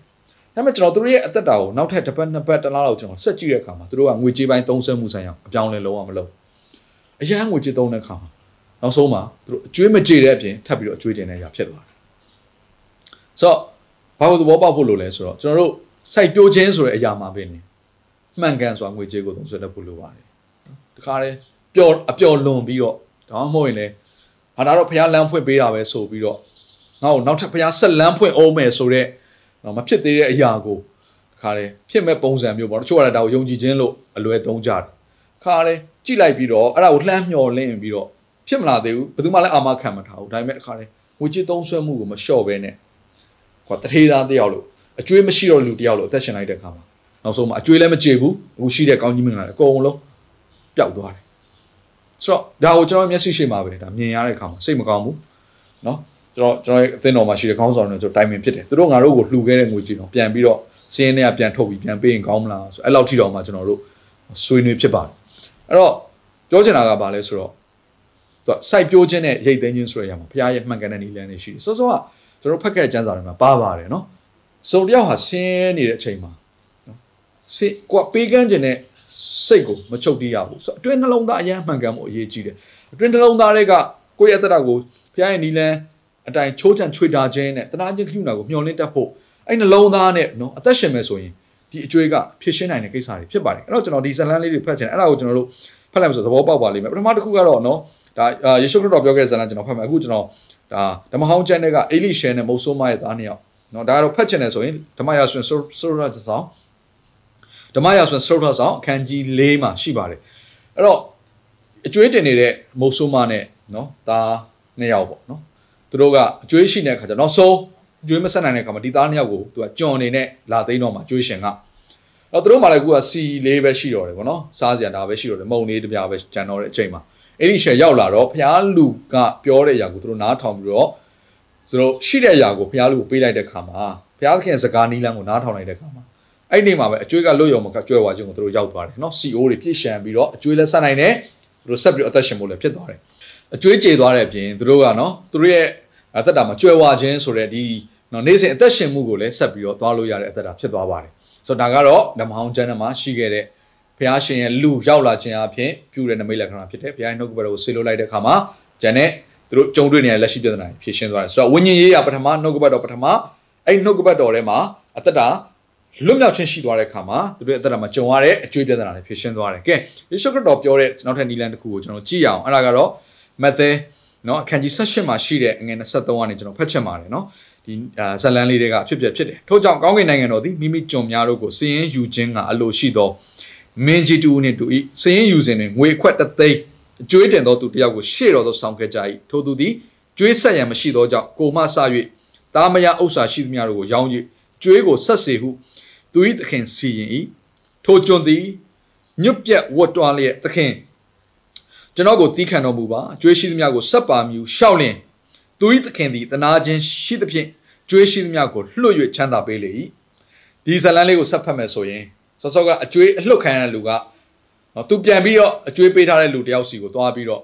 နော်ညှင်းဆဲရဆိုတာတွေ့ရလိမ့်မယ်ဆိုတော့အဲ့တယောက်ကတောင်းပန်တောင်းပန်တယ်သူ့ကိုပြန်ပြီးတော့သူတောင်းပန်တယ်လို့ပဲသူကတောင်းပန်တယ်ဒါပေမဲ့သူကထောင်ထဲမှာလောင်ထားလိုက်တဲ့အခါမှာဒါနောက်ဆုံးမှာဒီလူရဲ့အပေါ်မှာတရားစီရင်ခြင်းရောက်လာတယ်ဆိုတဲ့ဇလန်လေးကိုကျွန်တော်တို့ဒါ တွေ့ရပါတယ်ဟုတ်ဒါလေးကိုဆက်ပြီးတော့ကျွန်တော်ဖတ်ကြည့်ပါတော့ဖတ်ကြည့်ရင်ဒီဇာလန်အပြည့်စုံသိရလိမ့်မယ်ဒါကောင်းကင်နိုင်ငံတော်ရဲ့နီလန်ပါလဲဆိုတော့ကိုဒီကျမ်းစာထဲမှာတွေ့တယ်တွေ့ရတယ်ပေါ့နော်အဲ့တော့ဒီမှာလူတယောက်ကအကျွေးတင်တယ်သူရဲ့အကျွေးတင်တာအရန်များတယ်အခုခေတ်နဲ့ပြောမှဆိုကဲသိန်းထောင်ဝန်ထမ်းအကျွေးတင်တယ်ဆိုပါဆိုသိန်းတောင်းကနေသိန်းတောင်းကနေအကျွေးတင်တဲ့လူနဲ့လည်းကျွန်တော်စကားပြောဘူးတယ်အဲ့တော့ဒီဟာလေးနော်သိန်းတောင်းကနေအကျွေးတင်တဲ့လူတွေရှိတယ်အံ့ဩစရာပဲဆိုတော့ဒါနိုင်ငံခြားငွေချင်းတွေတွက်မယ်ဆို million နော် million နဲ့ချီပြီးတော့အကျွေးတင်တာပေါ့ ဆိုတော့တိန်းထောင်ကနန်းအကျွေးတင်တဲ့လူတယောက်ဆိုပါစို့သူကအကျွေးရှင်စီမှာသွားပြီးတော့သူကဘာလုပ်လဲဆိုတော့နော်အကျွေးဆက်ဖို့မရှိတဲ့အတွက်ကြောင့်မလို့တဲ့နော်သူကအကျွေးရှင်ကနေပြီးတော့အဆိုးဆုံးနီလန်တစ်ခုကိုသူကစီးရင်အဲ့ဒါသားမယားဥစ္စာရှိသမျှကိုရောင်း၍အကျွေးကိုဆက်စေဆိုတော့ဘုရားသခင်ရဲ့နီလန်ကပါလဲဆိုတော့အကျွေးဆက်တဲ့နီလန်ဖြစ်တယ်ရှောင်ပြေးတဲ့နီလန်တော့မဟုတ်ဘူးမရှိရှိရတဲ့အကျွေးဆက်အဲအကျွေးဆက်တဲ့နီလန်အဲ့တော့ ဒီလူကဘာလုပ်လဲဆိုတော့သူမှအကျွေးဆက်စရာမရှိတော့ကြောင်မလို့အခုအစိုးဆုံးသောအခြေအနေကိုကြုံလာရတဲ့အခါမှာသူကဘာပြန်ပြောလဲသိတာကိုတော့အကျွေးမကျွန်တော်မှအကျွေးဆက်ဆက်ဆက်စရာမရှိပါဘူးဒါကြောင့်မလို့နော်အကျွေးတွေအားလုံးကိုယော်ပေးပါလို့သူကမတောင်းပန်ဘူးနော်သူတောင်းပန်တဲ့နီလန်ပါလေသိလားသူသူပြောတဲ့စကားကသခင်ကျွန်တော်ကိုသီးခံတော်မူပါအကျွေးရှိသမျှကိုဆက်ပါမည်ဟုရှောက်လင်တဲ့အကျွေးဆက်မယ်လို့သူကပြောတာအကျွေးမဆက်ဘူးလို့ပြောတာမဟုတ်ဘူးနော်အဲဒါသူမှအကျွေးဆက်ဖို့ပတ်စံရှိတာမရှိဘူးဒါပေမဲ့သူသခင်ကိုပြောတဲ့ຢာကပါလေ ကျွန်တော်အကျွေးဆက်ပါမယ်အဲ့တော့ဘုရားရဲ့နီလန်းကကို့မှာဆက်ဆရာမရှိလို့ရှောင်ပြေးတယ်ဆိုရမဟုတ်ဘဲနဲ့ဆက်ဆရာမရှိဘူးဒါပေမဲ့အကျွေးရှင်ကိုသွားပြီးတော့ကျွန်တော်အကျွေးဆက်ပါမယ်ဒါပေမဲ့ကျွန်တော်ကိုယေရှုပြုပြီးတော့တနာပါဆိုတဲ့တောင်းပန်ခြင်းညှိနှိုင်းခြင်းတောင်းဆိုခြင်းဖြစ်တယ်ဒါအကျွေးခြင်းမဲ့နီလန်းတွေကအရေးကြီးဆုံးနီလန်းတစ်ခုဖြစ်တယ်ကဲကိုကျွန်တော်ရဲ့အသက်တာ ပတ်သက်တဲ့ညာလေးကျွန်တော်ပြောပြမယ်အဲ့တော့ကျွန်တော်ရဲ့ဖြစ်ပျက်လေးဟိုနော်ကျွန်တော်ပြောပြခြင်းတယ်ဒါကအခုဒီကျန်းစာထဲမှာပါတဲ့ဖြစ်ပျက်ပုံစံမျိုးနဲ့ပေါ့နော်အဲလားတဲ့တူပါတယ်အဲ့တော့ကျွန်တော်ကအကျွေးရှိလာတဲ့ခါကျတော့နော်အဲ့ချိန်မှာအမှုတော့အချိန်ပြည့်အမှုတော့ဆိုမှစဆက်ခတ်ဖို့အချိန်ဖြစ်လာအဲ့တော့ကျွန်တော်စိတ်ထဲမှာမဖြစ်ချင်ဆုံးຢာတစ်ခုရှိတယ်အဲ့ဒါပါလဲဆိုတော့အကျွေးရှိရတဲ့အချိန်ပြည့်အမှုတော့ဆိုအဲကျွန်တော်လုံးဝဖြစ်ချင်တဲ့ဖြစ်ချင်တဲ့ຢာတစ်ခုမဟုတ်ဘူးဘုရားရဲ့အမှုတော်ဆောင်ဖြစ်ပြီးတော့ငါဇုံတစ်ယောက်စီမှာ အကျွေးတင်နေပြီးတော့အဲ့တယောက်ကငါစီကိုအကျွေးအမြဲတမ်းလာတောင်းနေမယ်ဆိုတဲ့အရာဟာဘလို့မှကျွန်တော်ရဲ့အမှုဆောင်လုပ်ငန်းအောင်မြင်မှာမဟုတ်ဘူးဆိုတော့ကျွန်တော်သိတယ်။အဲတော့ကျွန်တော်ဘုရားစီမှာဆုတောင်းတယ်ဘုရားသခင်ဒီအကျွေးကိုကျွန်တော်ဖြည့်ရှင်းနိုင်မယ်နီလန်းကျွန်တော်ကိုပြောပါဆိုတော့ဘုရားသခင်ကအဲ့ချိန်မှာအမျိုးမျိုးဖြစ်တယ်ပမာဏအရန်များတယ်ကျွန်တော်တက်သက်တောင်မှနော်အဲ့ချိန်တော့ခံစားချက်ပေါ့နော်ကျွန်တော်တက်သက်တောင်မှနော်အကျွေးဆက်မဲ့ဆိုတော့ကြေမဲ့အကျွေးမျိုးမဟုတ်ဘူးလို့ကျွန်တော်ထင်တယ်။ဘာကြောင့်လဲကျွန်တော်အမှုတော်ဆောင်ရမယ်လာကကတောင်းကနန်းတော်မရှိဘူး နော်ကျွန်တော်မှတ်မိတယ်ကျွန်တော်ရဲ့ပထမဆုံးအမှုတော်ဆောင်တဲ့ခါမှာရတဲ့လာကားကလွန်ခဲ့တဲ့15နှစ်ကရတဲ့လာကားက6000ဖြစ်တယ်ဆိုတော့ဘတ်ကားကနဲ့ကုန်ကုန်နော်အဲ့တော့အဲ့တော့ကျွန်တော်ကဘလို့မှဒီသိန်းရာကနန်းကိုဘလို့ဆက်မလဲမဖြစ်နိုင်ဘူးနော်အခုခနဲ့တွက်မယ်ဆိုတော့သိန်းရာကနန်းဖြစ်နေပြီဘလို့မှမဖြစ်နိုင်ဘူးဒါပေမဲ့ကျွန်တော်ကဖခင်ရဲ့နီလန်းကိုကျွန်တော်ရှောက်ဖွေတဲ့ခါမှာဖခင်ရဲ့နီလန်းကရင်ဆိုင်ခြင်းဖြစ်တယ်ရှောင်ပြေးခြင်းမဟုတ်တတိရှိရင်ဆိုင်မယ် ဒါပေမဲ့အဲ့ရင်ဆိုင်တဲ့ချိန်မှာဖခင်ရဲ့မျက်နှာသာပေးခြင်းကိုတောင်းခံပါဆိုတဲ့အဲ့ဒါကျွန်တော်နှလုံးသားထဲမှာပေါ့နော်ကျွန်တော်ကျွန်တော်နှုတ်ကပတ်တော်အဖြစ်ကျွန်တော်တုံသင်ခြင်းခံရတယ်ကျွန်တော်သဘောပေါက်လာတဲ့ຢာတစ်ခုဆိုတော့ကျွန်တော်ဆူတောင်းပြီးတော့ကျွန်တော် situation နဲ့စပြီးတော့စကားပြောတယ်နော်ဒါကတရက်ထက်နဲ့ပြီးတဲ့ကိစ္စမဟုတ်ပါဘူးနော်တစ်ချိန်လည်းမဟုတ်ပါဘူးနှစ်ချိန်လည်းမဟုတ်ပါဘူးသုံးချိန်လည်းမဟုတ်ပါဘူးကျွန်တော် situation နဲ့စကားပြောတယ်အဲ့တော့ကျွန်တော်ပြောပြမယ်အကျွေးတင်တဲ့လူတယောက်အသက်တာထဲမှာဖျားရှင်တင်ပေးတဲ့ຢာကဘာလဲဆိုနှိမ်ချခြင်းဖြစ်တယ်သူတွေကအကျွေးသာတင်တာမာနဇက်လေးမှမလျှော့နော်သူက lifestyle နဲ့ဇက်လေးမှမလျှော့နော် အရင်လိုစားတယ်အရင်လိုသွားတယ်အရင်လိုလုပ်တယ်အရင်လိုစကားပြောတယ် Facebook မှာလည်းသူအကျွေးသာတင်နေတာအရင်လို post တင်တာသူကလေးသန်းပြောင်းမသွားဘူးသူ့တက်တိုင်းမှာဘာတွေ့နေရမာနတွေကိုတွေ့နေရတယ်ဆိုတော့ဒါအဆင်မပြေဘူးဖခင်ကအကျွေးရှိလာပြီဆိုရင်သူတင်ပေးတဲ့အရာတွေကနှလုံးသားကြိုးပဲ့ကြည်မွာခြင်းဖြစ်တယ်โอเคအဲ့တော့အသက်တာမှာနှလုံးသားကြိုးပဲ့ကြည်မွာလာပြီဝိညာဉ်ပိုင်းဆိုင်မှာမှန်ကန်သွားပြီဆိုရင်သူကနှိမ့်ချခြင်းဆိုအရာလိုလိုဖြစ်လာတယ်အဲ့တော့သူကနော် ပြောမယ်ဇုံတရားရဲ့ဂျုံဖြစ်နေတာပဲဂျုံဆိုမှတော့ကျွန်တော်ပြောပြမယ်ကျမ်းစာပြောထားပြီးသားအကျွေးနော်တင်တဲ့လူတယောက်ဟာနော်အဆောင်ကအကျွေးသွားပြီးတော့ချီးတဲ့လူစီကလူရဲ့ဂျုံဖြစ်သွားတာဟုတ်ဂျုံဖြစ်တဲ့ခါကျတော့ဂျုံဟာနော်သခင်ရဲ့ရှေ့မှာဘလို့ပုံစံနဲ့မောက်မာနိုင်မလဲဘလို့ပုံစံနဲ့နော်မာနကြီးနိုင်မလဲမာနကြီးလို့မရတော့ဘူးလေအဲ့တော့အဲ့ချိန်မှာကျွန်တော်ဒီဘုရားသခင်ရဲ့အမှုတော်ဆောင်ဆိုတော့ဘုရားရဲ့အစေကိုခံဖို့ပြင်နေတဲ့ချိန်မှာကျွန်တော်ရဲ့သခင်ကဘာသူဖြစ်နေလဲလူစုံတယောက်ဖြစ်နေတယ်နော်ပြီးတော့မယုံကြည်သူဖြစ်နေတယ် အဲ့တော့ကိုကအသက်ရှင်သောဘုရားရဲ့အမှုတော်ဆောင်ဖြစ်အမှုတော်ဆောင်တစ်ဖက်မှာကယုံကြည်သူလူတယောက်ရဲ့အစေခံဖြစ်နေပြီကြုံဖြစ်နေဘယ်လိုမှအဆင်မပြေဘူးအဲ့တော့ကျွန်တော်ကအဲ့ဒီကိစ္စကိုအရင်ဆုံးရှင်းအောင်လွတ်မြောက်ခြင်းဆိုတာအရင်အရင်ဆုံးသွားမယ်အဲ့တော့ကျွန်တော်စကားပြောတယ်တစ်ချိန်လည်းမဟုတ်ဘူးနှစ်ချိန်လည်းမဟုတ်သူတို့နဲ့တွေ့ရှင်းပြတယ်ကျွန်တော်အမှန်တိုင်းရှင်းပြတယ်နော်ကျွန်တော်ဘာမှအဲ့ချိန်မှာကျွန်တော်ဘာမှညာစရာလည်းမရှိဘူးကျွန်တော်ရဲ့ဝင်ငွေကျွန်တော်ပြောပြတယ်ကျွန်တော်ရဲ့လက်ရှိအခြေအနေကျွန်တော်ပြောပြတယ်ကျွန်တော်အနာဂတ်မှာကျွန်တော်သွားမယ့်အရာကိုကျွန်တော်ကနော်ဖခင်ရဲ့ ဒီသာသနာနော်အမှုတော်ဆောင်တဲ့သာသနာပြုခြင်းတွေကိုကျွန်တော်သွားတော့မှဖြစ်တယ်ကျွန်တော်အရင်လိုစီးပွားရေးလုပ်တဲ့လူတယောက်မဟုတ်တော့ဘူးဒါကြောင့်မို့ကျေးဇူးပြုပြီးတော့နော်ကျေးဇူးပြုနားလဲပေးပါကျွန်တော်ဒီကျွေးကိုမဆက်ဘူးလို့ကျွန်တော်လုံးဝပြောကျွန်တော်ဆက်မယ်ဒါပေမဲ့ကျွန်တော်ကိုကျေးဇူးပြုစောင့်ပေးပါကျွန်တော်ကျေးဇူးပြုပြီးတော့ဒီပမာဏကိုလက်ခံပေးပါကျွန်တော်ပုံမှန်လာတိုင်းမှာကျွန်တော်ဆက်မယ်ဒီလိုပုံစံမျိုးကျွန်တော်ပြောတဲ့အခါမှာနောက်ဆုံးမှာဖခင်မျက်နှာသာပေးခြင်းကျွန်တော်အသက်တာထဲမှာရောက်လာဘာဖြစ်လဲဆိုတော့ကျွန်တော်ပေးရမယ့်10ပုံရှိတယ်ဆိုရင်ကျွန်တော်တပုံပဲပေးခိုင်းတော့တယ်အ ကျွေးရှင်တွေကကျွန်တော်တပုံပဲပေးခိုင်းတယ်အဲ့ဒါပဲပေးပါဆိုတော့ကျွန်တော်သိန်း100ဆန့်မယ်ကျွန်တော်10သိန်းပဲပေးတော့10သိန်းပေးပြီးအကျွေးအားလုံးပြီးပြီလို့သတ်မှတ်မယ်ဒါအကျွေးရှင်တွေဘက်ကကျွန်တော်ကိုပြုတ်တဲ့ဂျေစုဖြစ်ပါတယ်ဘသူကြောင့်လဲဘုရားသခင်ကြောင့်ဖြစ်တယ်ဘုရားသခင်လူတွေနှလုံးသားကိုလှည့်တယ်ဘုရားဖြစ်ပါတယ်ဆိုတော့ကိုယ့်ရဲ့အသက်တာထဲမှာတကယ်နှိမ်ချခြင်းနဲ့တကယ်ဖြူစင်ခြင်းနဲ့ဖြောင့်မတ်ခြင်းနဲ့ဘုရားသခင်ရဲ့မျက်နှာသာပေးခြင်းအားတောင်းခံခြင်းမျက်နှာသာပေးခြင်းကိုတောင်းခံပြီးတော့ကျွန်တော်တို့ကရင်ဆိုင်မယ်ဆိုရင် ဘုရားသခင်ရဲ့တနာခြင်းကိယူနာတင်တက်တာတွေမှာရောက်လာပါလိမ့်မယ်ဒီဇလန်ကဒါပဲနော်ဒီဇလန်မှာပြောသွားတဲ့အနှစ်သာရအကျွေးနဲ့ပတ်သက်တဲ့အနှစ်သာရကဒါပဲနော်ဒီတယောက်ကနောက်တယောက်သူ့ထက်ပိုပြီးတော့အားနေတဲ့လူတယောက်သူ့စီကအကျွေးယူထားတဲ့လူတယောက်စီကိုသူကသွားတဲ့ခါမှာသူကအဲ့ချိန်ကျတော့သူ့ရဲ့အကျွေးကိုမလျှော်ပေးဘူးမလွတ်ပေးဘူးတခါလေသူတို့ကိုထောင်ထဲမှာလှောင်ထားတဲ့ခါကျတော့အခုသူ့ကိုအကျွေးနော်တခါလေဘယ်လောက်လဲအခွက်တသိန်းလားငွေအခွက်တသိန်းအကျွေးတင်တဲ့နော် ဒီဒီတခင်ကရောက်လာပြီးတော့တရားစီရင်တော့တာပေါ့ဆိုတော့ဒီသဘောတရားပဲကျွန်တော်တို့ရဲ့အသက်တာထဲမှာလည်းအခုကျွန်တော်တို့အကျွေးတင်နေတယ်ဆိုပါဆိုကျွန်တော်တို့ထက်အားနေသောသူတွေဘယ်သူတွေရှိသေးလဲအဲ့ဒီလူတွေကိုကျွန်တော်တို့ကပြန်လည်ပြီးတော့ပေးကမ်းမယ်ဆိုရင်အဲစောစောကျွန်တော်ပြောသွားတယ်စိုက်ပျိုးခြင်းအဖြစ်ပြန်လည်ရိတ်သိမ်းခြင်းဆိုတဲ့ဒီလန် sowing and reaping principle sowing and reaping အဲ့ဒီမှာလာတာဆိုတော့ကျွန်တော်အကျွေးတင်ရင်ပေးကမ်းလို့ရသေးလားအဲ့အကျွေးတင်တဲ့ချိန်မှာမှန်ကန်စွာပေးကမ်းတတ်ခြင်းဟာဘယ်သူတွေကိုပေးကမ်းရတာလဲကိုယ့်ထက် ဒုက္ခရောက်တဲ့သူတွေကိုကိုယ့်ရဲ့အသက်တာထဲမှာကိုယ့်လောက်တော့အခြေအနေမကောင်းတဲ့လူတွေကိုပြန်ပြီးတနာခြင်းကိူနာနဲ့မဆမယ်ဆိုရင်သင်ရဲ့အကျွေးကိုလည်းဘုရားရှင်ကတနာခြင်းကိူနာအဖြစ်ဖြည့်ရှင်းတဲ့ခွင့်ဘုရားပေးနိုင်တယ်အဲ့တော့ကျွန်တော်ကနောက်ဆုံးမှာနော်တစ်နှစ်အတွင်းမှာပဲကျွန်တော်အဲ့ဒီ10ပုံပုံတပုံကိုကျွန်တော်ကနော်ဖြည့်ရှင်းနိုင်တဲ့အတွက်ကြောင့်မလို့နောက်ဆုံးမှာကျွန်တော်အကျွေးဘွားကနေပြီးတော့လွတ်မြောက်ပြီးတော့လွတ်လွတ်လပ်လပ်နဲ့အမှုတော်ဆောင်ဖြစ်သွားတယ်အဲ့တော့ကျွန်တော်အမှုတော်ဆောင်ဖြစ်လာတဲ့အခါမှာကျွန်တော်ရဲ့တေချာဘော principle နီလန်တစ်ခုက ဘယ်လူတစ်စုံတစ်ယောက်စီကမှငါအကျွေးမတင်စေရတော့ဘူး။ဘာကြောင့်လဲငါဟာဘုရားသခင်ရဲ့အမှုတော်ဆောင်ဖြစ်တယ်။ဘသူစီကမှနော်ငါပတ်ဝန်းကျင်မှာရှိတဲ့ဘသူစီကမှငါအကျွေးမယူဘူးဆိုတဲ့ငွေကြေးကိုမတောင်းတော့ဘူးဆိုတဲ့အဆုံးဖြတ်ချက်ကိုချပြီးဘုရားသခင်အဲ့လိုမျိုးအကျွေးမယူနိုင်ဖို့ရန်လို့ကလေကျွန်တော်ကိုကိုတော့ကောင်းကြီးပေးပါကျေးဇူးပြုပါကျွန်တော်အစဉ်မြဲတတိပေးပါဆိုပြီးတော့ကျွန်တော်ဆုတောင်းတယ်အဲ့တော့အဲ့ဒီချိန်ကစပြီးတော့ကျွန်တော်ရဲ့တက်တာမှာအကျွေးနဲ့ကင်းရှင်းနဲ့နော်ဘယ်လူတစ်စုံတစ်ယောက်စီကမှအကျွေး တင်ရတဲ့ခွင့်ဘုရားရှင်မပေးတော့ဘူးဆိုတော့ဘုရားကျေးဇူးတော်ကိုကျွန်တော်ရန်ချီးမွမ်းပါတယ်ကဲဟုတ်ပြီကဲအခုဒါကတော့ကျွန်တော်တို့ကျန်းစာနဲ့ပတ်သက်ပြီးတော့နော်လေ့လာခဲ့ရရဆိုတော့အခု action plan လေးကိုကျွန်တော်သွားခြင်းတယ်ဟုတ်ပြီနော်ဒီဟာလေးကို action plan လေးကိုပြောပြီးသွားရင်ကျွန်တော်ဒီနေ့အဆုံးသတ်မယ်ဒီ action plan အသင့်တော့အရေးကြီးပါတယ်ဘာလုပ်ရမလဲလက်တွေ့ကဲဟုတ်ပြီနံပါတ်1ချက်ငွေကြေးနဲ့ပတ်သက်တဲ့ရည်မှန်းချက်ကိုကိုထားရမယ်ချို့တွေကအကျွေးတင်နေဆိုပြီးတော့အသက်တာမှာဒီတိုင်းပဲနေကြတာဆိုတော့အကျွေးတသိန်းတင်နေဆိုရင်တသိန်းကိုပြန်ဆက်နိုင်မဲ့ ငွေကြေး goal ရှိဖို့လိုတယ်ငါဘလောက်ငါငါရဲ့အတွက်လစဉ်ဝင်ငွေရှိဖို့လိုတယ်ဒါသိဖို့လိုတယ်ဆိုတော့အဲ့ financial goal ထားဖို့လိုပါတယ်အဲ့တော့တင်းရဲ့လစဉ်ဝင်ငွေဘယ်လောက်ရှိဖို့လိုလဲအဲ့လိုငွေရှိလာဖို့ဘာလို့ဖို့လိုလဲတင်းအလုပ်လုပ်ဖို့လိုတယ်ကျွန်တော်ကကျွန်တော်ရဲ့အကျွေးကိုဖြည့်ရှင်းတဲ့အခါမှာလေနဲ့ဖြည့်ရှင်းခဲ့တာမဟုတ်ဘူး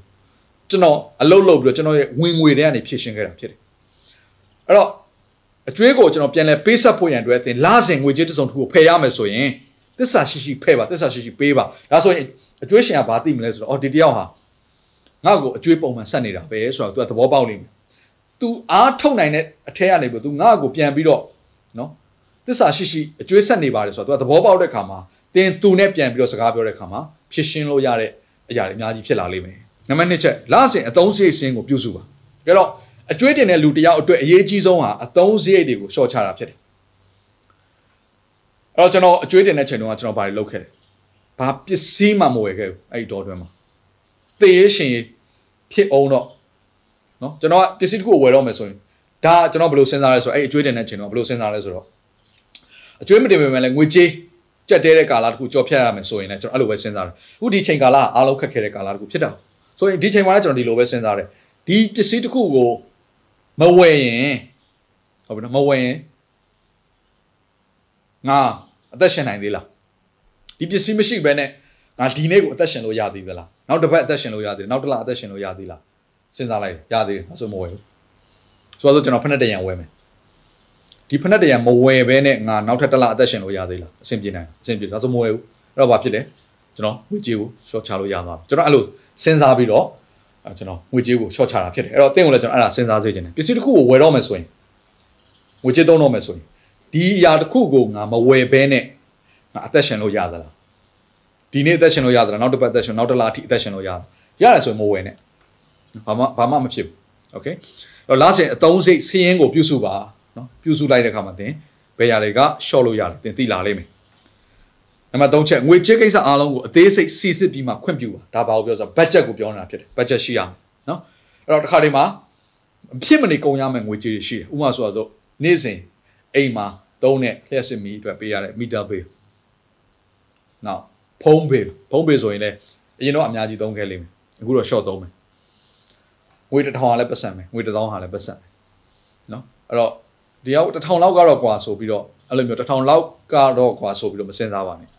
ဆော့ချလို့ရတဲ့ကိစ္စအားလုံးအကုန်လုံး short ပါအဲ့တော့ဘာဖြစ်ဖို့လဲသူက budget plan ရှိဖို့လို့ဆိုတော့တစ်ခါတည်းမှာ ဆိုတော့ကျွန်တော်အိမ်တော်ဦးစီးပြန်ကကျွန်တော်ဇနီးတဲ့တောင်းဆိုတဲ့ငွေကြေးရှိလာနိုင်တယ်ကျွန်တော်သားသမီးတွေအတွက်တောင်းဆိုတဲ့ငွေကြေးရှိလာနိုင်တယ်ဆိုတော့ကျွန်တော်ကအသင်းဦးစီးရဖြစ်တယ်အသင်းတော်မှာငွေကြေးပိုင်းဆိုင်မှာဆုံးဖြတ်တဲ့လူတယောက်ဖြစ်တယ်ဆိုရင်အသင်းတော်အတွက်နော် budget တွေတင်လာတာရှိနိုင်တယ်အဲ့တော့ကျွန်တော်ကဘယ်လိုစဉ်းစားရမလဲဒါကိုစီစစ်ပြီးမှ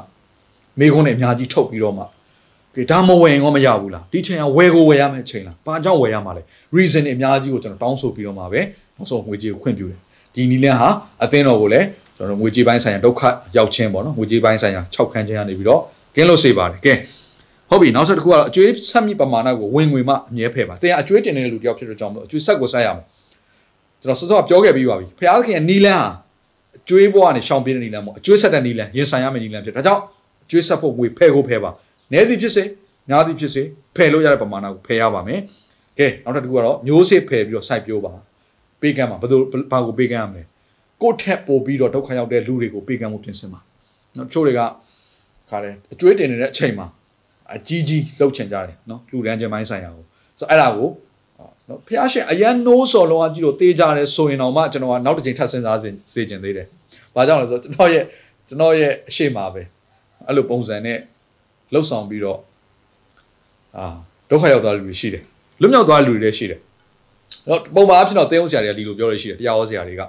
ဟာယုံကြည်ခြင်းနဲ့စိုက်ပြိုးလိုက်ယုံကြည်ခြင်းနဲ့စိုက်ပြိုးလိုက်ခါဖះပြန်ကောင်းကြီးပေးမယ်အလွယ်အလွယ်လေးပြောတတ်ကြတယ်။ခါဘာပဲပြောပြောဝိညာဉ်ရကောင်းဆောင်တွေပြောတဲ့စကားဆိုတော့ယုံကြည်သူတွေကနားထောင်ပြီးလောက်ကြတဲ့အခါမှာ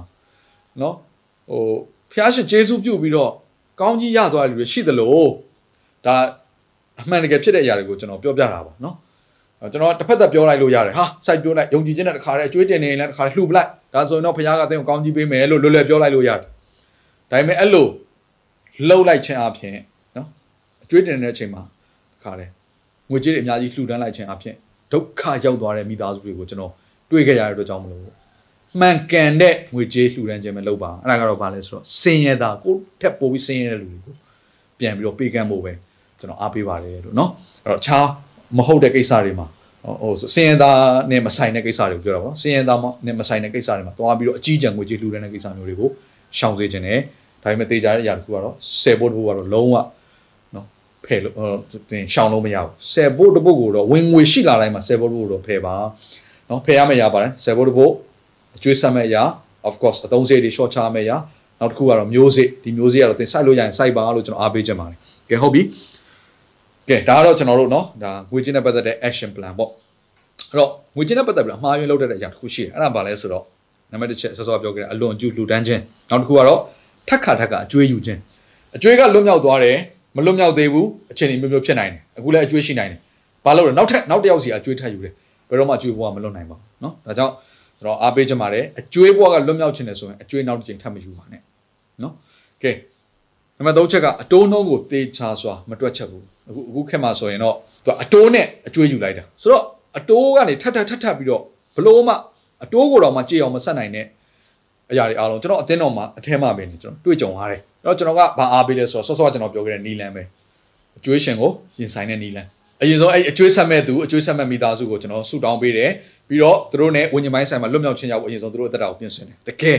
ယေရှုခရစ်တော်တကယ်ရသွားပြီလားနော်အကျွေးကြေကြေခြင်းလွန်အားကြီးလို့တခါတည်းကိုလှုပ်ချင်လုံးမယ်ဆိုတဲ့ပုံစံမျိုးမဟုတ်ဘဲနဲ့တကယ်ဝိညာဉ်ရမှာလွတ်မြောက်တော်သူဖြစ်ပြီလားဒါကိုအရင်ဆုံးစစ်ဆေးတယ်ဝိညာဉ်ရမှာလွတ်မြောက်တော်တကယ်ဘုရားမျက်မှောက်တော်ကိုတိုးဝင်တော်တရားဘုရားကိုကြောက်ဝင်တော်တရားဖြစ်လာပြီဆိုရင်နောက်ထပ်တစ်ဆင့်ရတော့ဗာလဲဆိုတော့ ဘုရားရဲ့မျက်နှာသာပေးခြင်းကိုတောင်းခံပြီးတော့အကျွေးချင်တဲ့သွားပြီးစကားပြောခိုင်းတယ်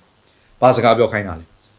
ကျွန်တော်အကျွေးကိုတတ်နိုင်မှဆက်ပါမယ်ဂျေဇုပြုပြီးတော့ဒီအတိုးတွေကိုရက်လိုက်ပါနာမည်ဒါပထမတစ်ဆင့်ဖြစ်တယ်အကယ်၍ဒီထဲမှာအကျွေးတင်နေသောသူတွေကအတိုးအားဖြင့်ဒုက္ခရောက်နေတယ်ဆိုရင်ဒီနီလန်းကိုသုံးပါ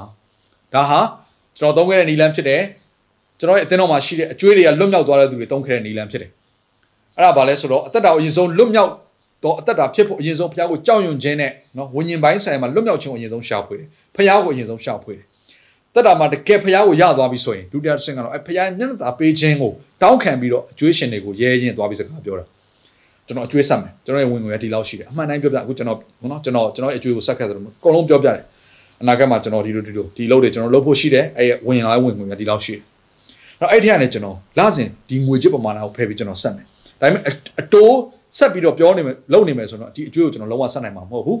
ဒါကြောင့်မလို့ အတိုးတက်နေမယ်ဆိုတော့ကျွန်တော်လုံးဝဆက်ဖို့မဖြစ်နိုင်တော့ဘူး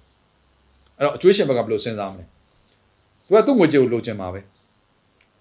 အဲ့တော့အကျွေးမဆက်ဘူးဆိုတဲ့အရာတော့သူမျှော်လင့်ချင်မှာမဟုတ်ဘူးโอเคအဲ့တော့ဆုံးရှုံးမဲ့အတူတူသူကလာစဉ်ရမဲ့ဒီငွေကြေးပမာဏကိုသူကလိုချင်မှာပဲဒါဟာအကျွေးရှင်ဘက်ကခံစားချက်ဖြစ်တယ်ဒါကြောင့်တင်းဘက်ကလောက်ရမယ့်အရာတခုကသွားပြောပါကျေးဇူးပြုပြီးတော့ဒီတိုးတွေအရန်များလောအောင်ကြည့်တယ်မှန်တယ်ကျွန်တော်ရင်တော့ဒီလိုလိုဖြစ်ခဲ့တယ်တိုးတော်လည်းပဲဟိုကျွန်တော်လုံးဝမဆက်နိုင်တော့ဘူးဒါကြောင့်မလို့ အတိုးတွေအားလုံးရပ်ပေးပါငွေကြေးပမာဏတစ်ခုသတ်မှတ်ပေးပါအသေးသတ်မှတ်လိုက်ဆိုတော့သိန်း50လည်းဖြစ်ကောင်းဖြစ်နိုင်သိန်း100လည်းဖြစ်ကောင်းဖြစ်နိုင်သတ်မှတ်လိုက်အဲ့လာနဲ့ရက်ထားလိုက်အဲ့သိန်းတရားကိုကျွန်တော်ဆက်မယ်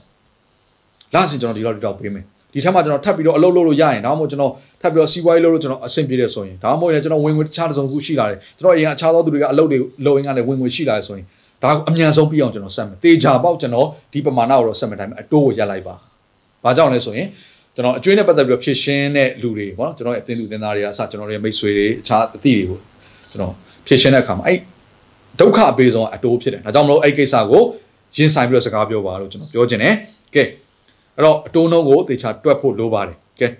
နောက်ထပ်တစ်ခုကတော့အသုံးစင်းကိုမလုပ်ဘူးနော်မလျှော့ချခြင်းဒါလည်းခဏခဏပြောခဲ့ပါတယ်သင်ရဲ့ lifestyle ကို change ဖြစ်ဖို့လိုတယ်အဲ့တော့အကျွေးရှင်ကလည်းကြည့်နေမှာပဲသင်ကိုစောင့်ကြည့်နေမှာပဲဆိုပါစို့နော်သင်က အကျွေးဆက်တော့ဟာကျွန်တော်ကျွန်တော်ကျေးဇူးပြုအတိုးကိုရပ်ပေးပါကျွန်တော်ပမာဏတစ်ခု fix လုပ်ပေးပါကျွန်တော်အကျွေးဆက်မလို့ပြောပြီးတော့ဟိုဘက်ကလည်းသဘောတူပေးလိုက်တယ်နောက်ထပ်တစ်လနေတော့သင်ရဲ့ Facebook ပေါ်မှာသင်တင်တဲ့ဓာတ်ပုံသင်သွားစားနေတဲ့အစားအသောက်သင်ရဲ့အသက်ရှင်မှုကိုကြည့်တဲ့အခါကျတော့အကျွေးတင်တဲ့လူပုံစံနဲ့မတူပါဘူးဆင်းရဲသားနဲ့မတူဘူးတကယ်တထေးသားပုံစံမျိုးပဲဟိုအကျွေးရှင်ကသင်ကိုဘယ်ဘယ်ကြိုက်မလဲနော်ဘာမြစ်တာမှရှိမှာမဟုတ်ဘူးခါတဲ့မရဘူးအကုန်လုံးပြန်ဆက်ဆိုပြီးတော့ပြန်ပြောရင်တော့ပြောမှာအဲ့တော့ကျွန်တော်ပြောပြမယ်သင်ရဲ့အသက်ရှင်မှုပုံစံပြောင်းရမယ် social media သုံးတဲ့ຢာတွေအားလုံးအကုန်လုံးဖြတ်ရမယ်သင်ကတခါလဲနေ့တိုင်း social media မှာအကျွေးရတင်နေတဲ့ social media မှာဖုံးပေတွေအကုန်ခံပြီးတော့နော်သင်အသက်ရှင်မှုကြီးကိုပြနေတာတခါခဏနေနော်ရှူဖနဲ့ဝယ်လိုက်ပြန်ခဏနေတခါလဲနော်ဟိုဖုံးအစ်စ်ဝယ်လိုက်ပြန်ဟာ Facebook မှာထုတ်ကြွားနေတယ်ဟိုနားမှာသွားပြီးတော့အစားအသောက်တွေသွားဟို shopping mall သွားလိုက်ဟိုမှာရုပ်ရှင်သွားကြည့်လိုက်မသင်ဘွားကြီးကအကျွေးတင်တဲ့ဘွားနဲ့မတူဘူးလေပျော်စရာကောင်းတဲ့ဘွားကြီးနဲ့တူတဲ့ခါကျတော့အကျွေးရှင်ကဘယ်လိုလုပ်ပျော်နိုင်မလဲစိတ်ကောင်းနိုင်မလဲ โอเคအဲ့တော့သင်အသက်ရှင်မှုပုံစံပြောင်းကိုပြောင်းရမယ်ကဲနောက်ဆုံးချက်ကပါလို့ဆိုဝิญဉ်ရေးကိုလိလူရှုခြင်းအကျွေးတင်တဲ့လူတော်များများရဲ့ပထမဦးဆုံးပြဿနာဝิญဉ်ပိုင်းဆိုင်ရာကိုလိလူရှုတာဖြစ်တယ်အဲ့တော့အကျွေးနဲ့ပတ်သက်ပြီးကျွန်တော်အစကတည်းကပြောခဲ့တယ်အရေးကြီးဆုံးညာပါတယ်ဝิญဉ်ပိုင်းဆိုင်ရာပထမဖြစ်တယ်ဝိညာဉ်ပိုင်းဆိုင်မှာမလွတ်မြောက်သေးသေးအကျွေးကလွတ်မြောက်ရင်လေနောက်တစ်ချိန်တစ်ခုခုရဲ့ချုံနှောင်ခြင်းတွေကိုသင်ရောက်အောင်ပါပဲဒါကြောင့်မလို့ကျွန်တော်အားပေးချင်ပါတယ်အဲ့တော့ကဲပြန်ပြီးတော့ recap လုပ်ချင်တယ်အဲ့တော့အကျွေးတင်နေတဲ့လူတယောက်ပထမဦးဆုံး ဝိညာဉ်ပိုင်းဆိုင်မှာလွတ်မြောက်ခြင်းကိုအရင်ရှာပါယေရှုခရစ်တော်ဟာအဖြစ်ဖြစ်တယ်တခြားဘာနည်းလမ်းမှမရှိဘူးဘာမှသွားရှာမနေနဲ့လူကိုအားမကိုနဲ့လူကိုအားကိုခြင်းဟာကြိမ်ချင်းကိုခံလိုက်တယ်အာမင်္ဂလာထပ်ဆင့်ပြီးတော့ပဲရောက်လာလိမ့်မယ်ဒီမှာအကျွေးတင်နေလို့နောက်တစ်ယောက်စီကငါထပ်ပြီးတော့လှည့်ပြီးတော့လှုပ်လိုက်မယ်မလှုပ်နဲ့ပို့ပြီးတော့အကျွေးတွေပက်လက်ဝိုင်းသွားလိမ့်မယ်အဲ့တော့အခုဝိုင်းနေတယ်ဆိုရင်လည်းဒီထက်ကနေလွတ်မြောက်ဖို့နည်းလမ်းကျွန်တော်ပြောပြခြင်းပထမတစ်ချက်ဝိညာဉ်ပိုင်းဆိုင်ရာလွတ်မြောက်ခြင်းကိုအရင်ရှာပါ နော်အကျွေးကြော်ဝတ်ကိစ္စကိုသွားစဉ်းစားမနေနဲ့ဝိညာဉ်ပိုင်းဆိုင်ရာမလွတ်မြောက်လို့အကျွေးအကျွေးတင်တဲ့ကိစ္စကိုရောက်သွားတာဖြစ်တယ်ဝိညာဉ်ပိုင်းဆိုင်ရာလွတ်မြောက်တဲ့လူတစ်ယောက်ဟာအကျွေးကအစလွတ်မြောက်ဖို့ဘုရားရှင်ရဲ့ကျေးဇူးပြုခြင်းကနော်ကြီးမားပါတယ်ဘုရားရှင်ဂရုဏာကြီးမားပါတယ်ဘုရားကိုတကယ်ရသွားတဲ့သူတစ်ယောက်ဟာလွတ်မြောက်တော့အသက်တာဖြစ်တယ်နော်ဒီလောကမှာရှိတဲ့ငွေကြေးတစ်စုံတစ်ခုနဲ့ချုံနှောင်တဲ့အရာမျိုးဘုရားကအဖြစ်မခံပါဘူးဒါကြောင့်ဝိညာဉ်ပိုင်းဆိုင်ရာမှာဘုရားနီးလန်းနဲ့တကယ်လွတ်မြောက်သွားဖို့အရေးကြီးတယ်ယေရှုကိုရပါရဖို့အရေးကြီးတယ်ယေရှုကိုရရင်သင်လွတ်မြောက်ပြီပဲဟုတ်ပြီဒါနံပါတ်1အရေးကြီးဆုံးဖြစ်နံပါတ်2ချက် အကျွေးကိုဆက်ဖို့ပြင်ဆင်ပါရင်ဆိုင်ပါရှောင်ပြေးဖို့မလုပ်နဲ့နံပါတ်3ချက်တင်းအသက်တာမှာအသက်ရှင်မှုပုံစံကိုပြောင်းလဲဖို့လုပ်ပါအသုံးစရိတ်တွေအကုန်လျှော့ပါစင်ရသားလို့နေပါဘာကြောင့်လဲစံစာထဲမှာပြောထားပြီးသားအကျွေးရှိတော့သူကစင်ရသားလို့ပဲသတ်မှတ်တယ်ဒီမှာတင်အကျွေးပမာဏဘယ်လောက်ပဲရှိရှိဘာနဲ့ဘယ်ဘလို့ပုံစံမျိုးနဲ့ပဲဘယ်လိုကားမျိုးပဲစီးနိုင်စီးနိုင်ဘယ်လိုအိမ်မျိုးမှာပဲနေနိုင်နေနိုင်ဘာစီးပွားရေးလုပ်ငန်းတွေပဲလုပ်လုပ်နော်တင်ဟာဘယ်လိုပုံစံပဲဖြစ်နေပါနောက်ဆုံးဘယ်လောက်ထိနာမည်ကြီးတဲ့နော်ရုပ်ရှင်မင်းသမီးမင်းသားပဲဖြစ်ဖြစ်အဆိုတော်ပဲဖြစ်နေအောင်တော့ အကျွေးရှိနေရင်စင်းရတာပဲဒါသိဖို့လို့ဒါဖရားရဲ့ဖရားရဲ့နီလန်းဖြစ်တယ်โอเคအဲ့တော့ကိုကစင်းရသားဖြစ်တယ်ဆိုစင်းရသားကိုနေတတ်ရမယ်အစ်စ်တွေရှောက်ဝယ်မနေနဲ့နော်သူများသုံးတွေကသိအားကြမနေနဲ့သင်ပထမဆုံးဖြစ်ရှင်းရမယ်အဲ့အကျွေးဖြစ်တယ်အကျွေးကမလွတ်မြောက်သေးသေးသင်ဖျားသခင်နဲ့မှန်ကန်စွာဘယ်တော့မှအသက်ရှင်နိုင်မှာမဟုတ်ဘူးဒါကြောင့်ဘုရားကလည်းသင်ကိုအကျွေးကလွတ်မြောက်စေခြင်းနဲ့သင်ကလည်းလွတ်မြောက်ဖို့ဆုံးဖြတ်ချက်ချမယ်ဆိုရင်အသက်ရှင်မှုပုံစံကိုပြောင်းမှကုန်ကြစိတ်တွေအားလုံးကိုရှော့ချပါโอเคကဲနောက်တစ်ချက်ပါလေ နောက်တစ်ချက်ကတော့ဘုရားသခင်မျက်နှာသာပေးခြင်းနဲ့ဂရုဏာကိုတောင်းခံပါတောင်းခံပြီးရင်အကျွေးရှင်နဲ့သွားပြီးစကားပြောပါအဲ့ထက်မှအကျွေးယူထားသောသူတွေအတိုးတွေရှိတယ်ဆိုရင်မကြောက်နဲ့အကျွေးယူတော့ကတော့မကြောက်မညွန့်သွားပြီးတော့နောက်တစ်ခါလေပြုံးရယ်ပြီးတော့သွားပြီးတော့တနာအောင်ပြောပြီးတော့အကျွေးယူခဲ့တာမဟုတ်ဘူးလားအခုအကျွေးရှင်နဲ့သွားပြီးစကားပြောတဲ့ခါမှာလေအဲ့ဒီအဲ့လိုမျိုးမျက်နှာထားတဲ့တောင်ပို့ပြီးတော့နှိမ့်ချပြီးသွားတင်တယ်အဲ့တော့ဘုရားသခင်ကအကျွေးဆိုတဲ့အရာတွေကိုဖြတ်တန်းနေတဲ့အချိန်မှာတွန်တင်တဲ့အရာကနှိမ့်ချခြင်းဖြစ်တယ် โอเคကျမ်းစာဘာပြောလဲအကျွေးယူတဲ့လူဟာသူကကြုံဖြစ်သွားတာကိုအစေခံကြုံဖြစ်သွားတယ်အဲ့တော့ကြုံဟာသခင်ရဲ့ရှေ့မှာသွားပြီးတော့မာနကြီးနေလို့မရဘူးအဲ့တော့သင်ကအကျွေးရှင်ရဲ့ရှေ့ကိုသွားတဲ့ခါမှာ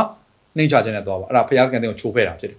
မတတ်နိုင်ဘူးအဲ့ဘုရားဘုရားသခင်တင်ကိုနောက်ထပ်တစ်နေရာကိုဆွဲခေါ်ခြင်းတဲ့အတွက်ကြောင့်မလို့သင်နှလုံးသားမာကြောခြင်းတွေကနေမာကြောခြင်းတွေကိုချိုးဖဲတဲ့နီလန်းဖြစ်နိုင်တယ်ဒါကြောင့်မလို့နှလုံးသားကြိုးပဲ့ခြင်းမွားခြင်းနဲ့နှိမ့်ချခြင်းနဲ့သင်ကို ကျေးဇူးပြုထားသောသင်ကိုငွေကြေးချီးထားသောတစုံတရာချီးငှားထားသောသူစီမှာသွားပါ သင်အကျိုးကြောင့်အရာအလုံးပြောပြပါဘုရားမျက်နှာပေးပါလိမ့်မယ်သင်ကသာတကယ်လွတ်မြောက်သောအသက်တာဖြစ်တဲ့ဆိုဘုရားမျက်နှာတကယ်ပေးလိမ့်မယ်ဘုရားကိုတကယ်ကြောက်တယ်ဘုရားကိုတကယ်ချစ်တယ်ဆိုဘုရားမျက်နှာပေးခြင်းရှိလိမ့်မယ်အမှန်တိုင်းပြောပြပါလှည့်စားဖို့မကြိုးစားနဲ့လူတော်များများကအကျွေးနဲ့ပတ်သက်ပြီးတော့သွားပြီးတော့ဖြည့်ရှင်းမလို့တဲ့ကမှာလှည့်ကိုကြိုးစားတယ်လှည့်စားဖို့ကြိုးစားတယ်အဲ့တော့အဲ့ဒါကဆိုးရတဲ့အရာကိုပဲဖြစ်စေတယ်အမှန်တိုင်းပြောပြသင်ဘလောက်လစဉ်ဒါမှမဟုတ်ရင်နှစ်စဉ်ဒါမှမဟုတ်ရင်နော် အပတ်စဉ်သင်ပြန်ပြီးတော့ငွေကြေးပိုင်းဆိုင်ပြဿနာတွေကိုဒီငွေကြေးကိုပြန်ပြီးတော့ဆက်နိုင်တယ်လေပေါ့အဲ့ဒါကိုရှင်းရှင်းလင်းလင်းပွန့်ပွန့်လင်းလင်းအကျွေးရှင်ကိုပြောပြဖို့လိုတယ်သင်ရဲ့အခြေအနေမှန်ကိုပြောပြဖို့လိုတယ်နောက်တစ်ခုကအတိုးတွေရှိတယ်ဆိုအတိုးတွေကိုရက်ခိုင်းဖို့လိုတယ်နောက်ထပ်တစ်ခုအဲ့ဒါဘာလဲဆိုတော့အလုပ်လုပ်ဖို့လိုတယ်โอเคအဲ့တော့အကျွေးဆိုတာကထိုင်နေရင်းနဲ့အကျွေးတွေကြေသွားအောင်မဟုတ်အလုပ်ဆက်လုပ်နေဖို့လိုတယ်ဘုရားသခင်အသင်ကိုဘာအလုပ်တွေလုပ်ရမလဲဆိုရင်ဉာဏ်ပညာလမ်းဖွင့်ခြင်းတွေပေးလိမ့်မယ်အဲ့ဒါဘုရားမြတ်တာပေးခြင်းလို့ခေါ်တယ်ကဲဒါဆိုရင်ဘုရားရဲ့ဂိယူနာက ဘုရားရဲ့ဂိယူနာကတော့သင်က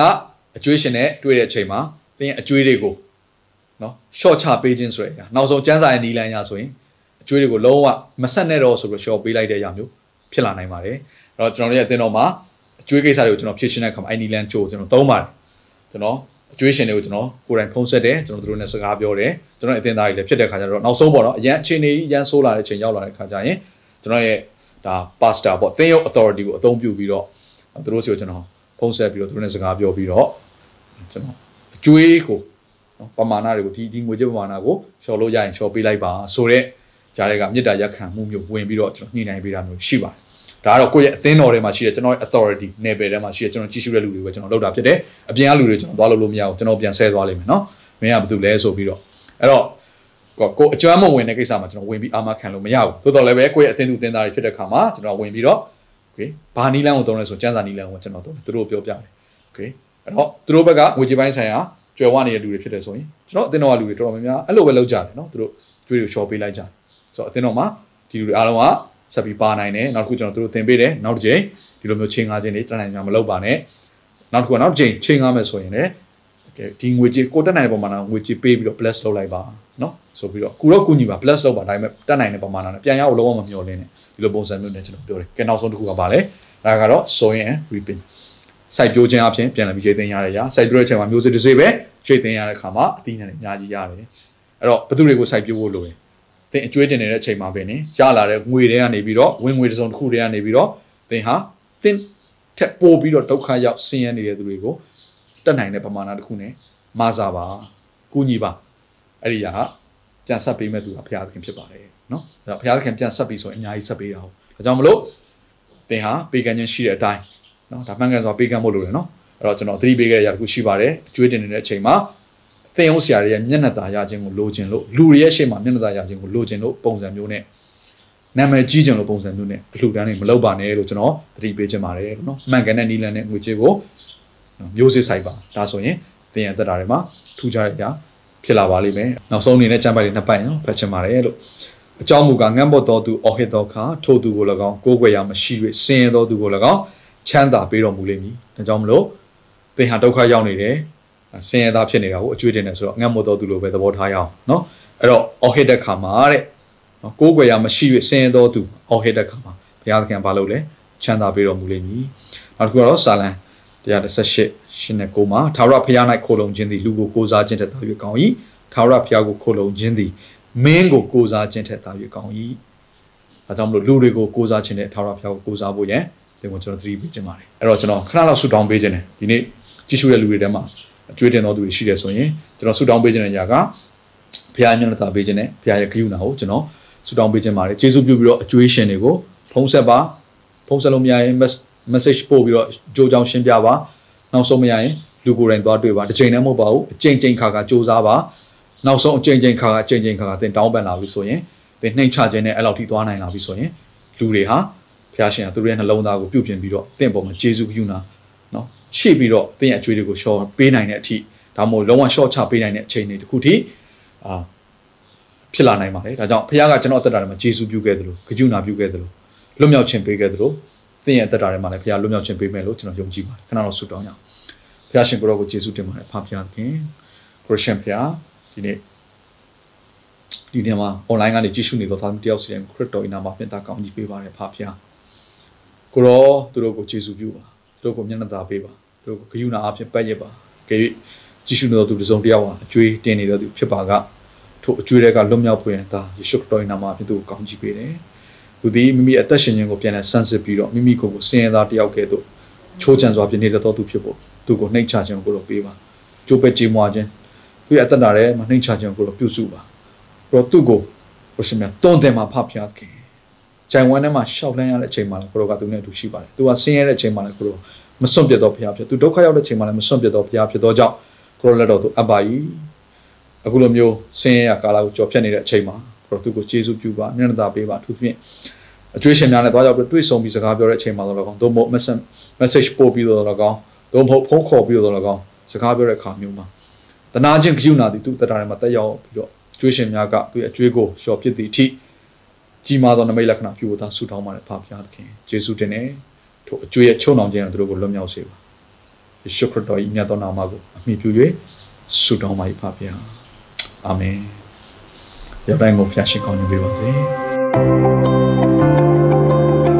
ဒီအစီအစဉ်လေးအပြင်တင်းရဲ့အသက်တာမှာကောင်းကြီးဖြစ်မယ်ဆိုတာကိုကျွန်တော်ယုံကြည်ပါတယ်ဗီဒီယိုကြည့်ပြီးခံယူလို့သူများအတွက်အပတ်စဉ်တရားဟောခြင်းများ Bible Study ကြီးမွန်ကိုယ်ွယ်ခြင်းနဲ့အခြားသောအကြောင်းအရာတွေဟာတင်းအတွက်အဆင်သင့်ရှိနေပါတယ် YouTube မှာ The City Space TV လို့ရိုက်ထည့်လိုက်တဲ့အခါကျွန်တော်တို့ကိုတွေ့ရှိမှာဖြစ်ပါတယ် Subscribe လုပ်ခြင်းအပြင်တင်းနဲ့ထက်ချက်မကွာအမြင်ရှိနေပါပါဒါအပြင် Facebook မှာလည်း The City ရန်ကုန်လို့ရိုက်ထည့်လိုက်တဲ့အခါတည်အချက်အလက်နဲ့ poster တွေကိုအချိန်နဲ့တပြေးညီတွေ့ရှိအောင်မှာ ဖြစ်ပါတယ်ခင်ဗျာ The City Podcast ကိုနားထောင်ကြတိုင်းဖျားသခင်ရဲ့ထူကြသောဖွင့်ပြချက်နဲ့ကောင်းကြီးမင်္ဂလာများခံစားမိကြောင်းကျွန်တော်ဆုတောင်းရင်ဤစီစဉ်လေးကိုဒီမှာပဲညှိနှိုင်းပါရစေခင်ဗျာ